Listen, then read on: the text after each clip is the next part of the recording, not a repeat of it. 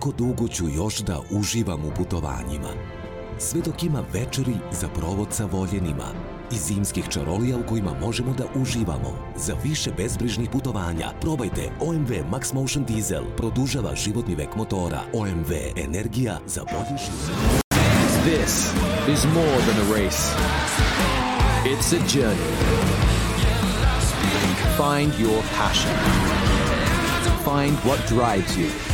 Find your line. Ćao svima i dobrodošli u Lab 76 broj 185. Nadam se da ste pronašli svoj put koji vas je doveo na ovaj YouTube kanal i koji vas je doveo u emisiju posvećenu večeras Formula 1, a samim tu to je gospodin Pavle Živković. Ćao Srki. Gde si Pajo, jesi živ? Jesam. Odbojka Jesam, da. Prošla? Prošla. Prošla, pet Prošla. setova, naravno. Al, da. Ne može drugačije. I posle Jaglije Paja. Po... Jagle, slavi još uvek. Slavi, da. Slavi, Jaglija. Slavi, slavi Ferrarijevac Samo ću ti stari. kratko reći. Šta Da. sam ti rekao? Ja sam, ja sam svesno upalio sam ti kontru svesno, znaš, da ne sam bude, ti rekao? da ne bude da smo obojeni, znaš.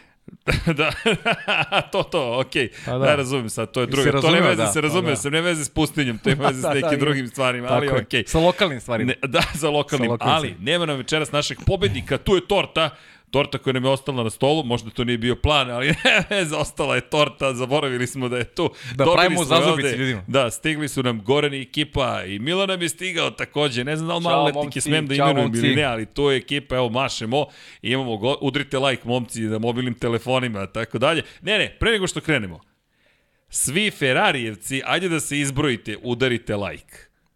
Oh. A, pa jo. Dobro smo prošli, dobro smo prošli onda. Ajde, svi Ferarijevci, zato što je Dejan Potkonjak rekao da će pobediti Charles Leclerc, zato što je Hasan Bratić rekao da će pobediti Carlos Sainz, udrite like. Pozdrav za našeg dragog Hasana Bratića. Pozdrav Hasane. Nismo maltretirali Hasana večeras, mogli smo, ali smo rekli čekaj, pusti čovek. Pusti Mo, može, se, može se sam javi. Može se, ako Hasane si raspoložen, a ti se javi, reci, tu je, znaš i sam ko, ekipa je tu, dakle javi se i poslaćemo ti jedan zumić, pa ako hoćeš, ali mi smo Tako hteli je. da te malo poštedimo, prosto nekako nam se učinilo da je red. Znaš kako, mi smo bili fini, a ti ako hoćeš Ako sam se nećeš javi. da budemo fini, a ti reci, ne, mi s tim Da. nećemo imati problem, ispunit ćemo ti želju. Ali, Hasan reče Sainz, bio je drugi Sainz, ti reče Lewis Hamilton, bio je treći, ja rekao Max Pa pazi, Verstappen, Svi smo bili bolji od tebe. Od mene ste svi ubedljivo bili bolji, mada, meni u odbranu, ako smem da primetim, šta, Šta? sam ti rekao za Ferrari? Će se da ti to? Šta, Šalim se, slabo jes, se služi jes. sećanje, a? Jesi, jesi, rekao si, to smo rekli i pričao sam o tome u direktnom prenosu, što jesi, jesi. Jesi, bio si optimista, ali pazi, e, Rano je. Rano je, tek je Rano počelo, je. euforija. Mislim da, da svima onima koji vole Ferrari najmanje je potrebna euforija. Poučeni iskustvima iz prošlosti, samo strpljenje, ništa više. Znam, ali da li možeš da im zameriš što, Ne, ne. što su Taman euforični? posla, pa mislim, ajde, kad krenemo analizu trke, pričat ćemo o svemu. Zašto je, zašto je meni ovo plus na plusovima za, za Ferrari i za Charles Leclerc posebno. Znači ima, ima tu jednu posebnu dimenziju ta njegova pobeda. Nije samo, nije to bila posljedica velike dominacije Ferrarije, već i njegove neke taktičke zrelosti Jest. i na stazi kako se ponašao protiv Maxa Verstappena, jer kogoda su sličnih godina, uh, Max ima mnogo više iskustva u, u ovakvoj vrsti nadmetanja i do sada je bio uspešniji od Leclera, tako da ovo je u tom segmentu velika pobeda za njega. Da, i pre nego što krenemo dalje, naravno, udrite like, udrite subscribe, join, pozdrav svima koji su na Patreonu, svima koji su uh, članovi, imamo 50 članova, ne znam da li i onih koji, jao, vidi ko se pojavio, molim te. Jao, vidi u crvenoj da. majici je stigao, jedan od Patreona, gospodin Ivan Toško, ja ne znam da li ima nekog Ferarijevca, o, i Milica Očigrija, naša p- dama koja je prevela knjigu, a kad smo kod knjigama, čekajte, ovo se savršeno se slažu uvodi, gde nam je uh, Kimi Raikkonen knjiga, dama koja je prevela Prodali knjigu o prodali Kimiju Raikkonen, prodala, rasprodato je, ko hoće shop.infinitylighthouse.com i posetite našu prodavnicu s obzirom na činjenicu da imate mnogo lepih stvari, mnogo lepih knjiga. Evo, stiže Ivan Toškov ubacuje, ali ja ću da vam pokažem još jednu stvar. Hvala. Izvolite, Evo, kolega. Kimi Raikkonen, dakle, dama koja je prevela knjigu je tu, prisutna je i to je poslednji Ferrarijev šampion. Vidjet ćemo da li posle 16 godina se stvari menjaju. Imamo ovde još jednog Ferrarijevca koji, kaže, dugo je traja, trebalo. I ovde imamo još jedan Ferrari under the skin, pa Ferrari, pa Ferrari, ne znam šta sve nije u, u bojama Ferrarija. crveno i crno, Mihael Šumacher, Dejan Potkonjak, a ako imate oštar vid, nadam se da ste primetili i da je stigla još jedna knjiga, a to je Put ka savršenstvu Ayrton Sena, našeg dragog Dejana Potkonjaka, koji nažalost nije sa nama, ali knjiga je, dakle, stigla i počet ćemo s isporukama za desetak dana, tako dve nedelje. Zašto? Zato što želimo da budemo sigurni da je sve kako treba, da ne bismo imali situaciju kao sa, što me pita gospodin Milan, sa Valentinom Rosijem, koji je u završnim fazama i mi se nadamo da će se poroditi najzad i ta knjiga. Sve ostale su izašle na vreme, ali s jednom smo morali da imamo malu muku, tako da je Sena tu. Dakle, tu je fizički i Pazi. mogu vam reći da smo mnogo srećni, ali zašto Sena? Pazi, kako mi je samo jedna digresija, kako mi je stanju Mark Marquez, možda se Rossi vrati na stazu. A, ja, da, ovo, ok, Paja je, Paja je u crnoj majici, pa crna situacija, crni humor.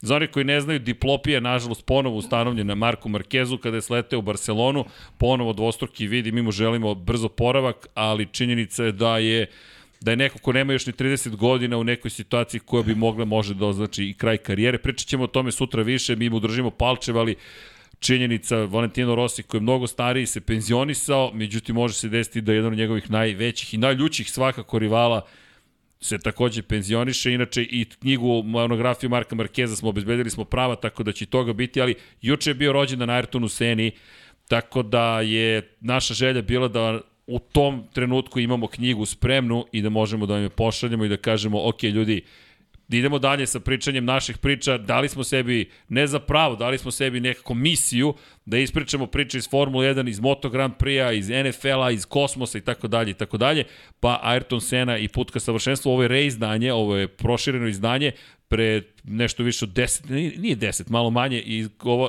knjiga već je objavljena, ali ovoga puta u našem izdanju Infinity Lighthouse-a, tako da znate ko želi na sajtu možete da kupite knjigu, a što se tiče Marka Markeza, da, sad možda je crni humor, ali zaista svi mu želimo brzo poravak. Nije bio crni humor, nego prosto tako je trenutno stanje Jest, stvari ali... i to je to i I verovatno će biti primoran da Honda traži neku zamenu. Jeste. Pa, mislim, Ovo je, je baš sada ozbiljna situacija. To, to, to je život. Da, to je život. Bukvalno mi mu držimo palčeve zato što stvarno je strašan pad imao čovek i, i ne znamo šta da kažemo. Iskreno, ja mu držim palčeve. Plašili smo se i pričali smo tokom prenosa da to može da bude slučaj. Nažalost, kada je sletao u Barcelonu, desilo se. Ali, to je Moto Grand Prix. Sutra ćemo Deki i ja da pričamo više o tome. Možda nam se pridruži gospodin Đankić. Najavio je da će se možda pojaviti. Tako da, Ko želi da vidi gospodin Đankića, nek udari like. Ko želi da... Evo ovde, Ferarijevci, rekli smo udarite like. 398 lajkova. Samo 400 Ferarijevaca trenutno prisutno. Sumnjam, ko je navio za Ayrtona Senu, neka udari like. Ali idemo mi dalje, idemo mi u Bahrein. Ljudi, prva trka nove ere je završena. I da, mazite se i pazite se. I vodite i vozite računa jedni drugima, to je mnogo važno. A verujem da su Ferrarici od zaista dugo čekali, dve i po godine, 2019. godine nije bilo pobede, Sebastian Vettel tada pobedio u Singapuru ispred Charles Leclerca, dvostruki triumf Ferrarije, to je bio niz od tri pobede Ferrarije, dve Leclerca, jedna Vettela i tu je stalo. Tu je počela jedna čuvena kontroverzna situacija sa motorima, da li su koristili možda savijenje pravila ili ne. 2020. su bili kažnjeni i dalje nepoznatom kaznom, ali su bili praktično na, na začelju što se tiče renomea Ferrarija. 2021. oporavak, konstantnost, poeni, povremeno pobjedničko postoji, dve pol pozicije. Rekli su Matija Binoto, ja sam prvi tražio da ga otpuste. Izvini Matija, evo, ne treba da te otpuste. Bio si u pravu na duže staze, mnogo bolji posao i Pajo, Ajmo da krenemo, analizirat ćemo trkoli. Dvostruka pobeda, rekao si polako ljudi, ali na kraju se ispostavilo da su zaista bili najspremniji za ovu prvu trku. Možda je ona anomalija, ali neka uživaju u trenutku slave, ja mislim da je to lep trenutak. Pa i dalje mislim polako ljudi, kada, kada su u pitanju neki, da kažemo, ovaj, ciljevi Ferrarije i to što oni mogu da urade u jednoj dugoj sezoni protiv Red Bulla koji je odlično pripremio bolid i protiv Mercedesa koji će sigurno biti mnogo bolji nego što je to bio slučaj s početka sezone. Ali ono što smo rekli na početku i prenosa, Uh, maske su sada pale, Alibija nema. Pred prethodne dve godine smo slušali mnogo priča koje su zvučale baš kao Alibije priče. Mi sada ne radimo ništa da se pripremamo za 2022. Evo je 2022. počela je i Ferrari u ovoj novoj eri zaista izgledao prilično dominantno. Bili su sjajni, u svim segmentima i kad je u pitanju trening i kad je u pitanju, kad su pitanju kvalifikacije, trka u svakom pogledu, taktički, Leclerc maksimalan, Leclerc koji, pričamo stalno, on je nesumnjivo brži vozač od, Carlosa Sainca, Sainz je, Sainz je pouzdaniji, Leclerc je brži, kada Leclerc a, vozi bez greške, zaista ga je teško povediti. Ono što je problem Leclercu u prošlosti je taj kontinuitet i to je ono na čemu sada mora da radi, jer ulo, ulozi se povećavaju, pobedio na otvaranju sezone, znamo koliko su italijani euforični, znamo da sada očekuje da, da se taj trend nastavi. E, vidjet ćemo kako će Ferrari funkcionisati u, u, u takvoj situaciji. Znamo da u nekoj bliskoj prošlosti i nije to baš išlo kako treba, čak i kada je sezona dobro otvorena, mada oni više vole kada dobro otvore sezonu, tad imaju neki naboj, neki elan koji ih nosi i, i neko samopouzdanje na, kojim, na kome baziraju na kojem baziraju blisku budućnost, ali e, zašto je cela priča dobra? Uh, jer se pojavio novi tim koji je pobedio tako, do, tako dominantno kao Ferrari u prvoj trci i to će biti veliki izazov za ova dva tima koja su prethodne godine imala izrazitu dominaciju, mislim na Red Bull i Mercedes. I gledat ćemo sigurno, uh, onako, bit će promešane karte u 2022. Možda i više nego što smo očekivali u nekoj u nekoj najavi sezoni, ok, ti si očekivao, ja iskreno, iskreno i, i nisam da će, da će ovako početi godina. I to je super za sve nas koji, koji volimo sport, koji, koji stvari gledamo iz, iz neutralnog ugla i zanima nas kvalitetno trkanje. Zato je ovakav početak obećavajući, ne zaboravimo da je Red Bull bio uz Ferrari, konstantno tokom čitave trke, imali smo dva odvojena a, duela a, s jedne strane Leclerc Verstappen, s druge strane Sainz i Perez i Mercedes koji je koji je objektivno kasnio, na kraju pokupio onako kajmak s obzirom da, da su oba Red Bulla otkazala. E, videli smo koliko je, ja ne znam da li se ti sećaš kada je Lewis Hamilton bio onako srećen a, treći mesto. Treći mesto. Šta je razlog? To što je odustao Max Verstappen i Red Bull ili, ili što je ovaj, ne verujem da je bio toliko zadovoljan zbog toga što je Ferrari pobedio. Ako pa, Ferrari nastavi da pobeđuje, ne, nisam siguran da će sa takim ovim oduševljenjem da priča o Ferrari, ali to je sad aj neka druga priča da se posvetimo italijanskom timu na početku. Pa da, na, na početku samo da konstatujemo, evo, za one koji eventualno nisu pratili trku, za svaki slučaj, pobedili dvostruka pobeda Ferrarija i to opet prvi put posle dve i po godine, vođstvo u šampionatu sve to je maksimalno. Dakle, ne samo što je 25 pobed, poena s pobedom osvojio Charles Leclerc. I najbrži krug. Najbrži krug. Inače, njegova treća tek, rekao bih, pobeda u karijeri. Dakle, nema odjednom on 30 pobeda, a velik, toliko su velike očekivanja kao da ih ima. Treća pobeda, najbrži krug, 26 pojena. Carlos Sainz, ponovo na pobjedničkom postoju 18 bodova, ukupno 44 maksimalna poena. Na trećem mestu Lewis Hamilton, na četvrtoj poziciji George Russell, novi vozač Mercedesa, Haas na petom mestu. Ljudi, kome se dopao Haas? Udrite like. Dakle, našao sam novi način da, da, da tražim lajkove. Kevin Magnussen, koji je do pre dve nedelje bio nezaposlen što se tiče Formule 1. Imao je ugovor u IMSI, imao je ugovor da vozi u IndyCaru povremeno kao gost McLarena, se vratio, došao, testirao i pokorio Formulu 1. Da nisu odustali i Sergio Perez i Max Verstappen. Max Verstappen sa drugog mesta. Pa dobro, opet bismo isto pričali Kevin Sedma Magnussen. pozicija bi to bila. To su poeni. Ista priča bi Šest bodova bi osvojio po svom povratničkom nastupu. Ovako, peto mesto i, i jedan fascinantan zaista nastup. Zatim, Ćemo da pričamo o Valteriju Bottasu, Estebanu Okonu, A, a pričat ćemo odvojeno o svima. O svima, mislim, ne, ne, hoćemo. Botas je samo... posebno pogledaj, Botas da je bolje startovao Možda, mogo, možda je mogo da se bori za podijum. Možda i pobedničko postoje. Samo da napomenemo ko je osvojio poene. Inače, Fernando Alonso osvojio poene za Alpinu, Yuki Tsunoda je osvojio poene za Alfa Tauri i Guan Yu Zhou, prvi kineski vozač u istoriji Formule 1, u svom debitantskom, prvom u karijeri nastupu, jedan poen za Alfa Romeo. Fascinantna trka i pohvale naravno Miku Šumahiru, 11. mesto u Hasu. Kad kažem pohvale, ima i kritika, ima i pohvala. Ima, ima jedan deo, ali Svega. analiza doći ćemo, na kraju. Na naravno, kraju ćemo, naravno. Da. Ono što je prva stvar, međutim, samo da napomenu, to je onaj uvod čuveni, tri stajanja, vozilo bezbednosti i pravo trkanje. Međutim, krenuo bih od trkanja. Pa jo, i od veštine, Vanja, ja bih iskoristio priliku pravo da ti kažem da, da pogledamo zapravo šta je to što je, samo sekund, molim te, šta je to, evo ga moment. Proći ćemo nekoliko ovih fotografija čisto reda radi, novi bolidi su stigli, Max Verstappen, prva krivina, ako mogu samo da iskoristim priliku, Vanja, prebaci samo nazad kadar da nađem tu fotografiju, kratak uvod, ovo morate da vidite, zapamtite samo, ako može sada stazu, kako izgleda oblik staze u Bahreinu. Ovo je inače ono što nam dostavlja Pirelli, ali bih vam istakao par, samo jednu stvar, ovaj ovde deo, gde su se oni trkali. Zašto? Svanja, daj mi priliku da se vratim. Pogledajte ovo, jer vidite liniju u belu u pozadini. Zapamtite belu liniju u pozadini. Ona je kritična bila za triumf koji je odneo nad Maxom Verstappenom, neverovatni Charles Leclerc. Zašto? Ako se vratimo na prethodni kadar i vidimo zapravo gde su DRS zone, Dakle, gde su DRS? Ovo je jedna DRS zona, ovde je druga DRS zona, ovde je treća DRS zona i ovde je četvrta DRS zona.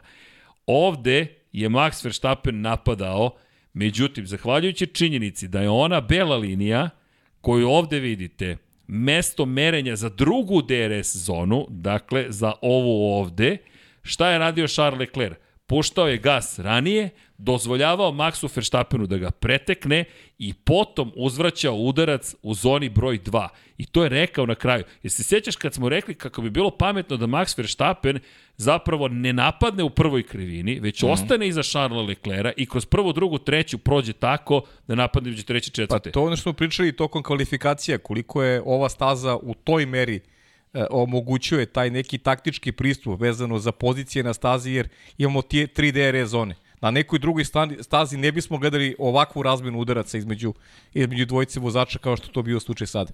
I zato i kažem zbog čega ima specifičnu težinu pobeda Charles Leclerc.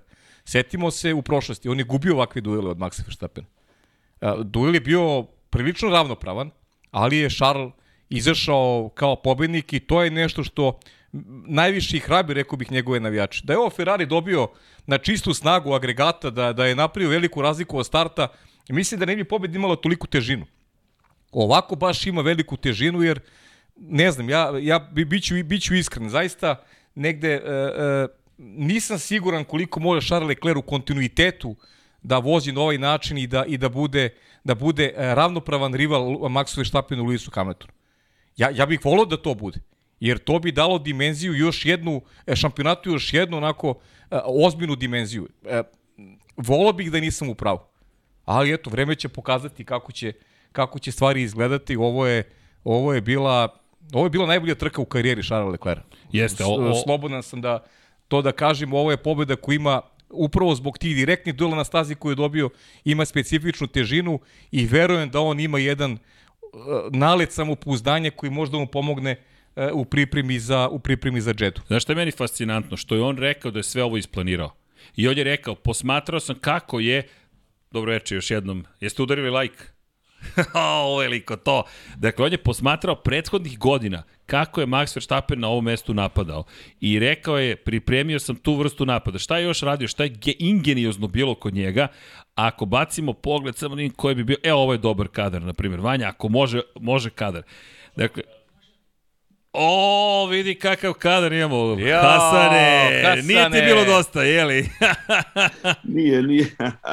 A nije ti bilo dosta. Ko jednom ovde uđe, više ne izađe. Ovo je crna rupa Formula 1, MotoGP, NFL-a, Kosmosa, u studiju na kraju univerzuma i gospodin Hasan Pratić, molim vas, aplauz. A samo vas, vas ne vidim, vidim, ne, ne, ne, ne vidiš nas? Ne vidim. Pa da, zar ti nije lepše onda? Šta, je, šta ima nas da gledaš? šta, šta će ti to u životu? Evo sad je tu, evo, odlično, super. Vanja je sve organizovao, Vanja, to, na instant, sve. Ali, Vanja, jel ga čuješ Hasana? Čujem, ja, čujem odlično, ma, malo mi ozvenja ovaj Vanja u Ali to je sve redu. Hasane, za one koji ne znaju, gospodin Hasan Bratić, čovek koji nas snabdeva fotografijama, nisu sve tvoje. Ovde smo malo večeras miksali, malo ima sa agencija, malo ima tvojih, ima svega. Ali uh, prosto vidim neke pozicije, ti si bio na nekim drugim, iskoristili smo ove napade, ove, ove vodeće pozicije. Da. Inače, gospodin koji je bio na trci, samo kratko, da završimo samo evo ovo, da, da ispričam ovaj deo priče. Ako pogledate samo u pozadini, evo, Vanja, ako može kadar na ovu fotografiju, da, da, da samo ispričamo jednu priču. Sa leve strane ekrana, tamo gde je bela linija izlaska iz pit lane, To je prljava strana, pitaćemo te baš Hasane koliko je prljavija. Šta je rekao Charles Leclerc? Ovo je inače kadar u kojem su Sergio Perez, Lewis Hamilton u pozadini George Russell, međutim kadar otkriva startno ciljni pravac.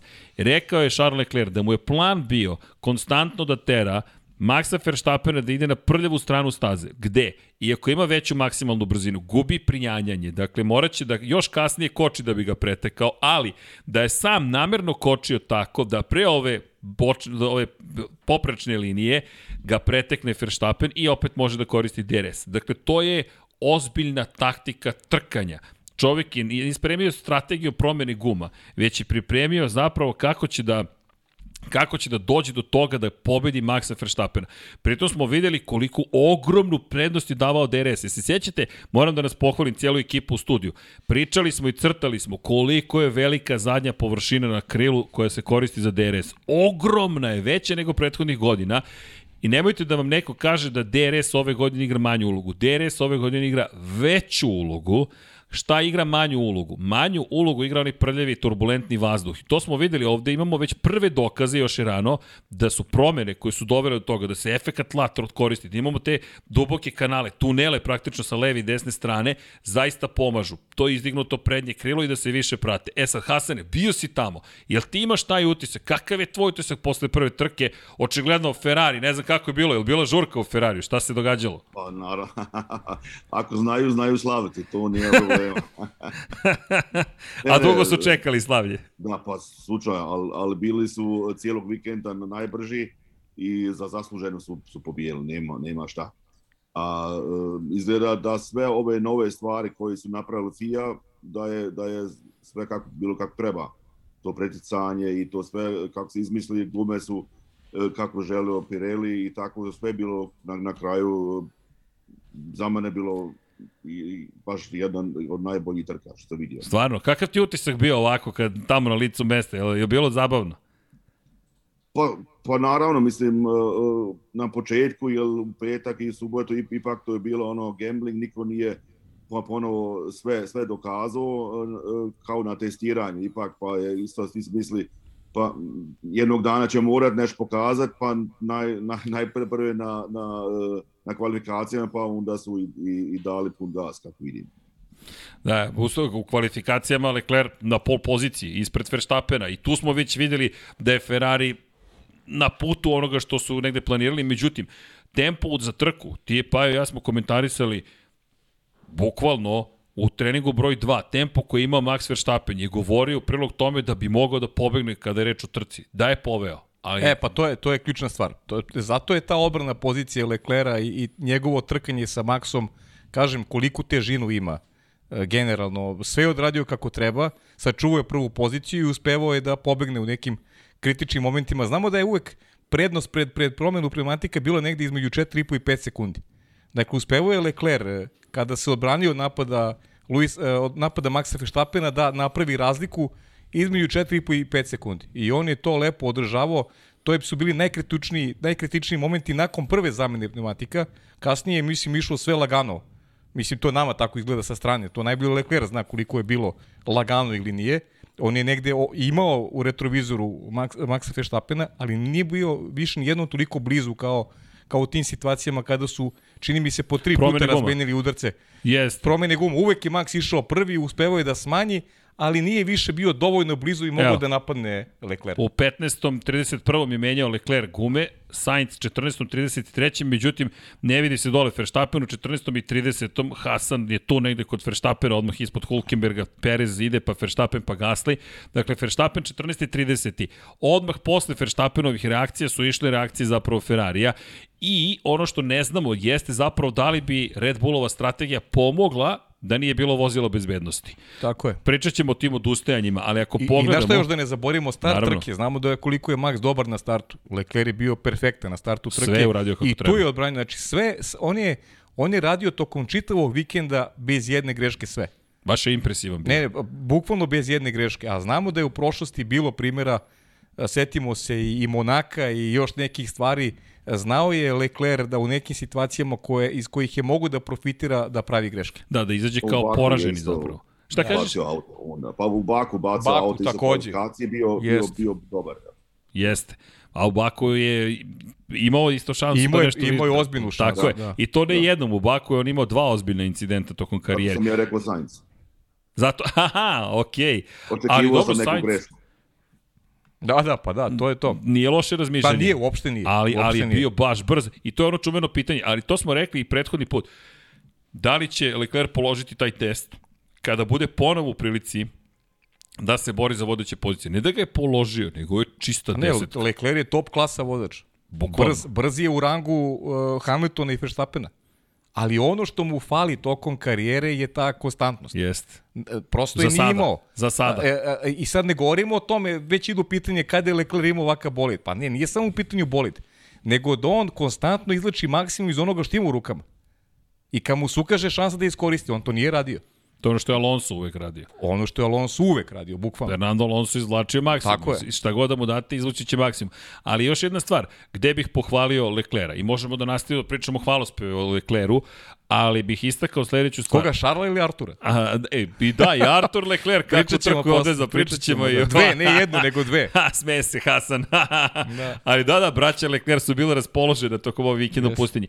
Ali bitan je taj moment, ako pogledamo zapravo promene pneumatika, I ovo ćemo, o ovome ćemo tek pričati, ali ako pogledamo ova tri stajanja i ako pogledamo jedan bitan moment, Verstappen, evo ga ovde, u 43. krugu odlazi na, na zamenu pneumatika. I kada pričamo o tome, moment na- u kojem Ferrari prvi put ne reaguje instant, ne prati istog trenutka šta će da se desi iz perspektive, to je šta radi Red Bull. I da nije bilo vozila bezbednosti, nemamo pojma. Jer ako pogledamo, ovo Tako su je. nove srednje tvrde gume. I, I ti ja se pitam i razmišljamo da li će do kraja, da li neće do kraja. To je 43. krug. Tu imaš još 14 krugova. O, o, on bi išao do kraja i sad mi možemo samo nagađamo. Ja, mislim, ja mislim i pobedio Ko? uh, Leclerc. Leclerc. da bi zadržao prvu poziciju jer su jer su se Fetelova pa ne dobro su se ponašale godine. dobro su se ponašale srednje Jesu. tvrde gume. I mislim da je ta, da je strategija i strategija Ferrarija da je bila dobra. Ali opet mi ne znamo, Ne znamo. možemo samo da nagađamo. I ako pogledamo ponovo ovaj kadar, Hasan, ono što je nas dvojicu impresioniralo, uh, startovali su vozači na, evo ovde, na starim gumama, neki su na novim gumama, pa onda sa, sa mekih na meke, s mekih na tvrde, s tvrdih na, na, na srednje tvrde. ludilo, ludilo. I to je ono što je bilo super. 58, 58 ukupno promena guma je bilo tokom ove trke. Ljudi, to je ak- hiperaktivnost u pit lane-u. Kako je izgledalo u pit lane-u, Hasan? Jesi bio tokom trke u pit lane-u ili si bio na nekoj drugoj poziciji? Bio sam na drugoj, jer mor, ti moraš uh, kod nas ap- aplicirati za, za pit lane, to je sam Aha, imali okej. agencije i neki um, od nas mogu sa kolega moj je uzeo, ja ću biti, uh, kad ću ja biti drugi možda, možda u Imoli, ne znam, Jasno. ali uh, to je ip- ipak normalno je, je pit lane dosadna. Jel, jel Aha, imaš normalno, je, jasno. jednom se menja, menjaju gume u, maksimalno dva puta, ovaj put je bio Ko je imao sreće ovog puta, taj imao Da, svega. Okej. Da, da. Da, da, vidiš, a to mi nismo razmišljali. Zapravo jedno stajanje je bila uobičajena situacija. Jedno stajanje i to je to. A sada, Da. mi kad smo shvatili da će možda biti tri stajanja, spektakl. Inače, ako da. se vratimo na, na, na ovaj kadar, kada je reč o promjeni guma, Ferrari koji, inače Leclerc je rekao tokom stajanja, ne sada, ne sada vozilo bezbednosti, tako da delovi su bili prilično sigurni. Međutim, šta je potom uradio, to me isto impresioniralo, a to je sledeća stvar. Rekao je da je analizirao kako Max Verstappen vozi pod vozilom bezbednosti. Dakle, to je sve pre trke. I da je shvatio da Verstappen često vozi paralelno sa drugim vozačima i da vrši pritisak iz te perspektive. Međutim, ovoga puta je Max napravio grešku. Poslednje dve krivine, koje su kao jedna, to je prljeva strana staze, ta unutrašnja strana staze. I drugo, ugao ulaska je toliko oštar da imaš mnogo, bolji, mnogo loši izlaz. I tu se Sainz obrušio na Verstappena. To je čak postala šansa da izgubi poziciju. Pa da, ali pitanje je već tada u kakvom je ovaj I stanju bio bolid. bio bolid Maxa Verstappena. Da, o tome tako ćemo tek da To, pričamo. da, tako to je da, tek... on, on se već žalio i tokom eh, tog vremena provedenog iza sigurnosnog vozila, tako da je zaista onako, ali, ali, ali se slažem sa tobom, slažem Za se s tobom, ne, za Leclera Za to raz- maksimala, za to- taj plan. mislim, Le, Lecler je, rekli smo, ja ne znam da li ima neki zarez u, koji možemo da nađemo u, u svemu ovoj- onome što je u ovom Lecler radio. ne. A kompletan vikend, treninzi, znači sve bez greške odradio. Nego pričamo o Maxu Verstappenu i tom startu koji je zaista izgledao restartu tačnije, koji je loš bio generalno. Ali ne znam u kom je stanju tada već bio bolid eh, Max Verstappen. Da, inače, si stigao da pričaš sa nekim možda Hasana iz, iz Ferrarija, jel si uspeo malo posle Imam trke? par, par, par mehanča, ja, ja, ja sam stojao odmah kad, kad, kad je ušao u, u park PME sa, sa, sa njima, pa smo tu već malo popričali, znam ja i, i dvojicu, trojicu i naravno da su bili, bili sretni, baš to nisu očekivali, baš sam na, na, na gridu kad, kad je prije trke sa, sa jednom govorio, kaže da, da sam ja dao svoje pare na Science, ali je svejedno ili bio onaj prvi ili drugi, samo da bude jedan, jedan i dva, pa smo se opomili na kraju. Ja, ali to, to sve dobro zvuči. Dobro, oni su ljudi, vid- videli smo u ekstazi bili, bukvalno. Ono je bilo fascinantno prosto videti jednostavno, mnogo je lep taj osjećaj. Gledaš ljude koji dve i po godine trpe poraze i poraze i poraze. I ne samo to, kritike, zahteve da bude ot, otpušten Matija Binotto, e, pogrde, pogotovo kroz 2020 i sad odjednom si na vrhu sveta i to na kakav način? Dominacija. Pri čemu si ostavio iza sebe ne samo Red Bull koji se pokvario, već Mercedes koji je bio nevidljiv u celoj priči. Nevidljiv, bukvalno. Lewis Hamilton, ja, što ti kažeš, nikad srećniji, ja mislim da nije bio u trećem poziciji. Pa da, i, i ima razloga da bude srećan. I apsolutno ima mnogo razloga da bude. Da. Ali, ali takav osmeh, kakav je tamo bio? Vratit ćemo se na Red Bull, pošto o njima baš imamo da pričamo i šta se tu desilo, koji su kvarovi. Kakav je bila atmosfera u Mercedesu i pre i posle trke? Šta se zbivalo? Ti si baš tamo bio. Pa dobro, cijeli vikend e, nije baš bila dobra atmosfera. E, To je, mislim, ovi inženjeri, kad, kad, kad gledaš, kad, kad se sastaju skupa, e, to nik, niko se ne smije, niko e, malo ono šali se kao što je to prije bilo sa vozačima, nego to svak radi e, koncentrirato na, na svoj posao i, na, i videlo se da nije, nije, nije zadovoljan, već, već od, od petka on sva, da nije bilo ne, ne, neka atmosfera i u subotu to išlo dalje posle kvalifikacije naravno i izjave od Luisa i od Russella, a naravno na, na, na kraju mislim e, to se nije očekivalo da se neka ekipa koja koja je toliko puta bila prvaka i Luis koji je sedam puta da se, da se toliko raduje na jedno recimo samo e, treće mjesto. Da, on je bio ne srećan, nego, kažemo, Da. ne pamtimo takve osmehe na licu Luisa Hamiltona. Inače, sad ćemo da prikažemo i neke tvoje fotografije, hvala ti na tome. Pogotovo je impresivno meni bilo pobedničko postolje. Baš si uhvatio onako fenomenalnu atmosferu. Vanja, evo, to se... Inače, da pozdravim Ivan Božanić, 500 dinara je donirao. Pozdrav kako komentarišeš grešku Red Bulla kod usporavanja maksa u izlaznom krugu nakon promene guma. Doći ćemo na to pitanje, odlično je pitanje. Petar Nujić je čovjek donirao 20 eura, jel ništa nije pitao koliko vidi Vanja ispremio ili koliko grešim. I Đera 7, 500 dinara, kaže, Pale reci ko će da osvoji ligu šampiona u futbolu da se kladim protiv njega. Prozivka neka pala. Hvala u Pa napred. e, Ju, Juventus će da osvoji. I da poželimo dobrodošlicu Aleksu? Uloviću. Kako, Da. kako? Koje godine? Pa zato da se kladi protiv. Pa to. A, Zato što je ispo Juventus. To, zato. Ovde, pazite, prozivke paju na sve strane. Ali, Neka, samo, samo napred. Vanja, ako može da pustimo, da pustimo Hasanove fotografije, pogledajte ovu fotografiju. Mnogo lepo to izgleda. Radost na pobedničkom postolju, međutim, meni su mehaničari Ferrarija, sve sa italijanskim zastavama, Ferrarijem zastavama, najveći utisak, prosto ta radost, to, to olakšanje jednostavno i činjenica da je F1.75 otvorio tu novu eru pobedom. To pričali smo o tome, da bi taj bolid mogao da bude taj. I Pa, evo ga, mislim, Matija Binotto. Pazi, ve, velika pobjeda, šta, šta da se doda, to je onako komplet jedan zaokružen eto i, i tim uspehom Carlosa Sainca, dakle dupli triumf Ferrarija, maksimalan broj bodova, veliki elan, veliki vetar u leđa, mislim, znaš, to, to je toliko čekati triumf eh, sam po sebi je je veliki događaj za sve, za sve u, u fabrici, za sve one koji vole. Ne znam da si video slike iz, iz Maranela, ne znam da se slavilo sa zastavama, da su ljudi ono trubili kole, Pa- kao, kao da je Italija postala svetski šampion. Bukvalno, bukvalno je tako slavlje bilo. Dobro, rekli smo da će zvona da zvone, to je, predugo se i to čekalo. Jeste. Da, za one koji ne znaju, zvona uvek zvone kada pobedi ekipa Ferrarija. Ne, Spomenuo si, svaka čast, mislim, to, to nema, nema, nema, nema šta se doda, zaista. e, evo je još jedna dobra Po- fotografija. Pogotovo vožnja, pogotovo vožnja Charles Leclerca koja je bila doktorska. Ovo je, Hasane, tvoja fotografija takođe mnogo dobro izgleda. Ove ruke meni su impresivne, zaista neverovatno. I to, to su vozači, taj doček. Onako osjetiš emociju u tom trenutku prosto.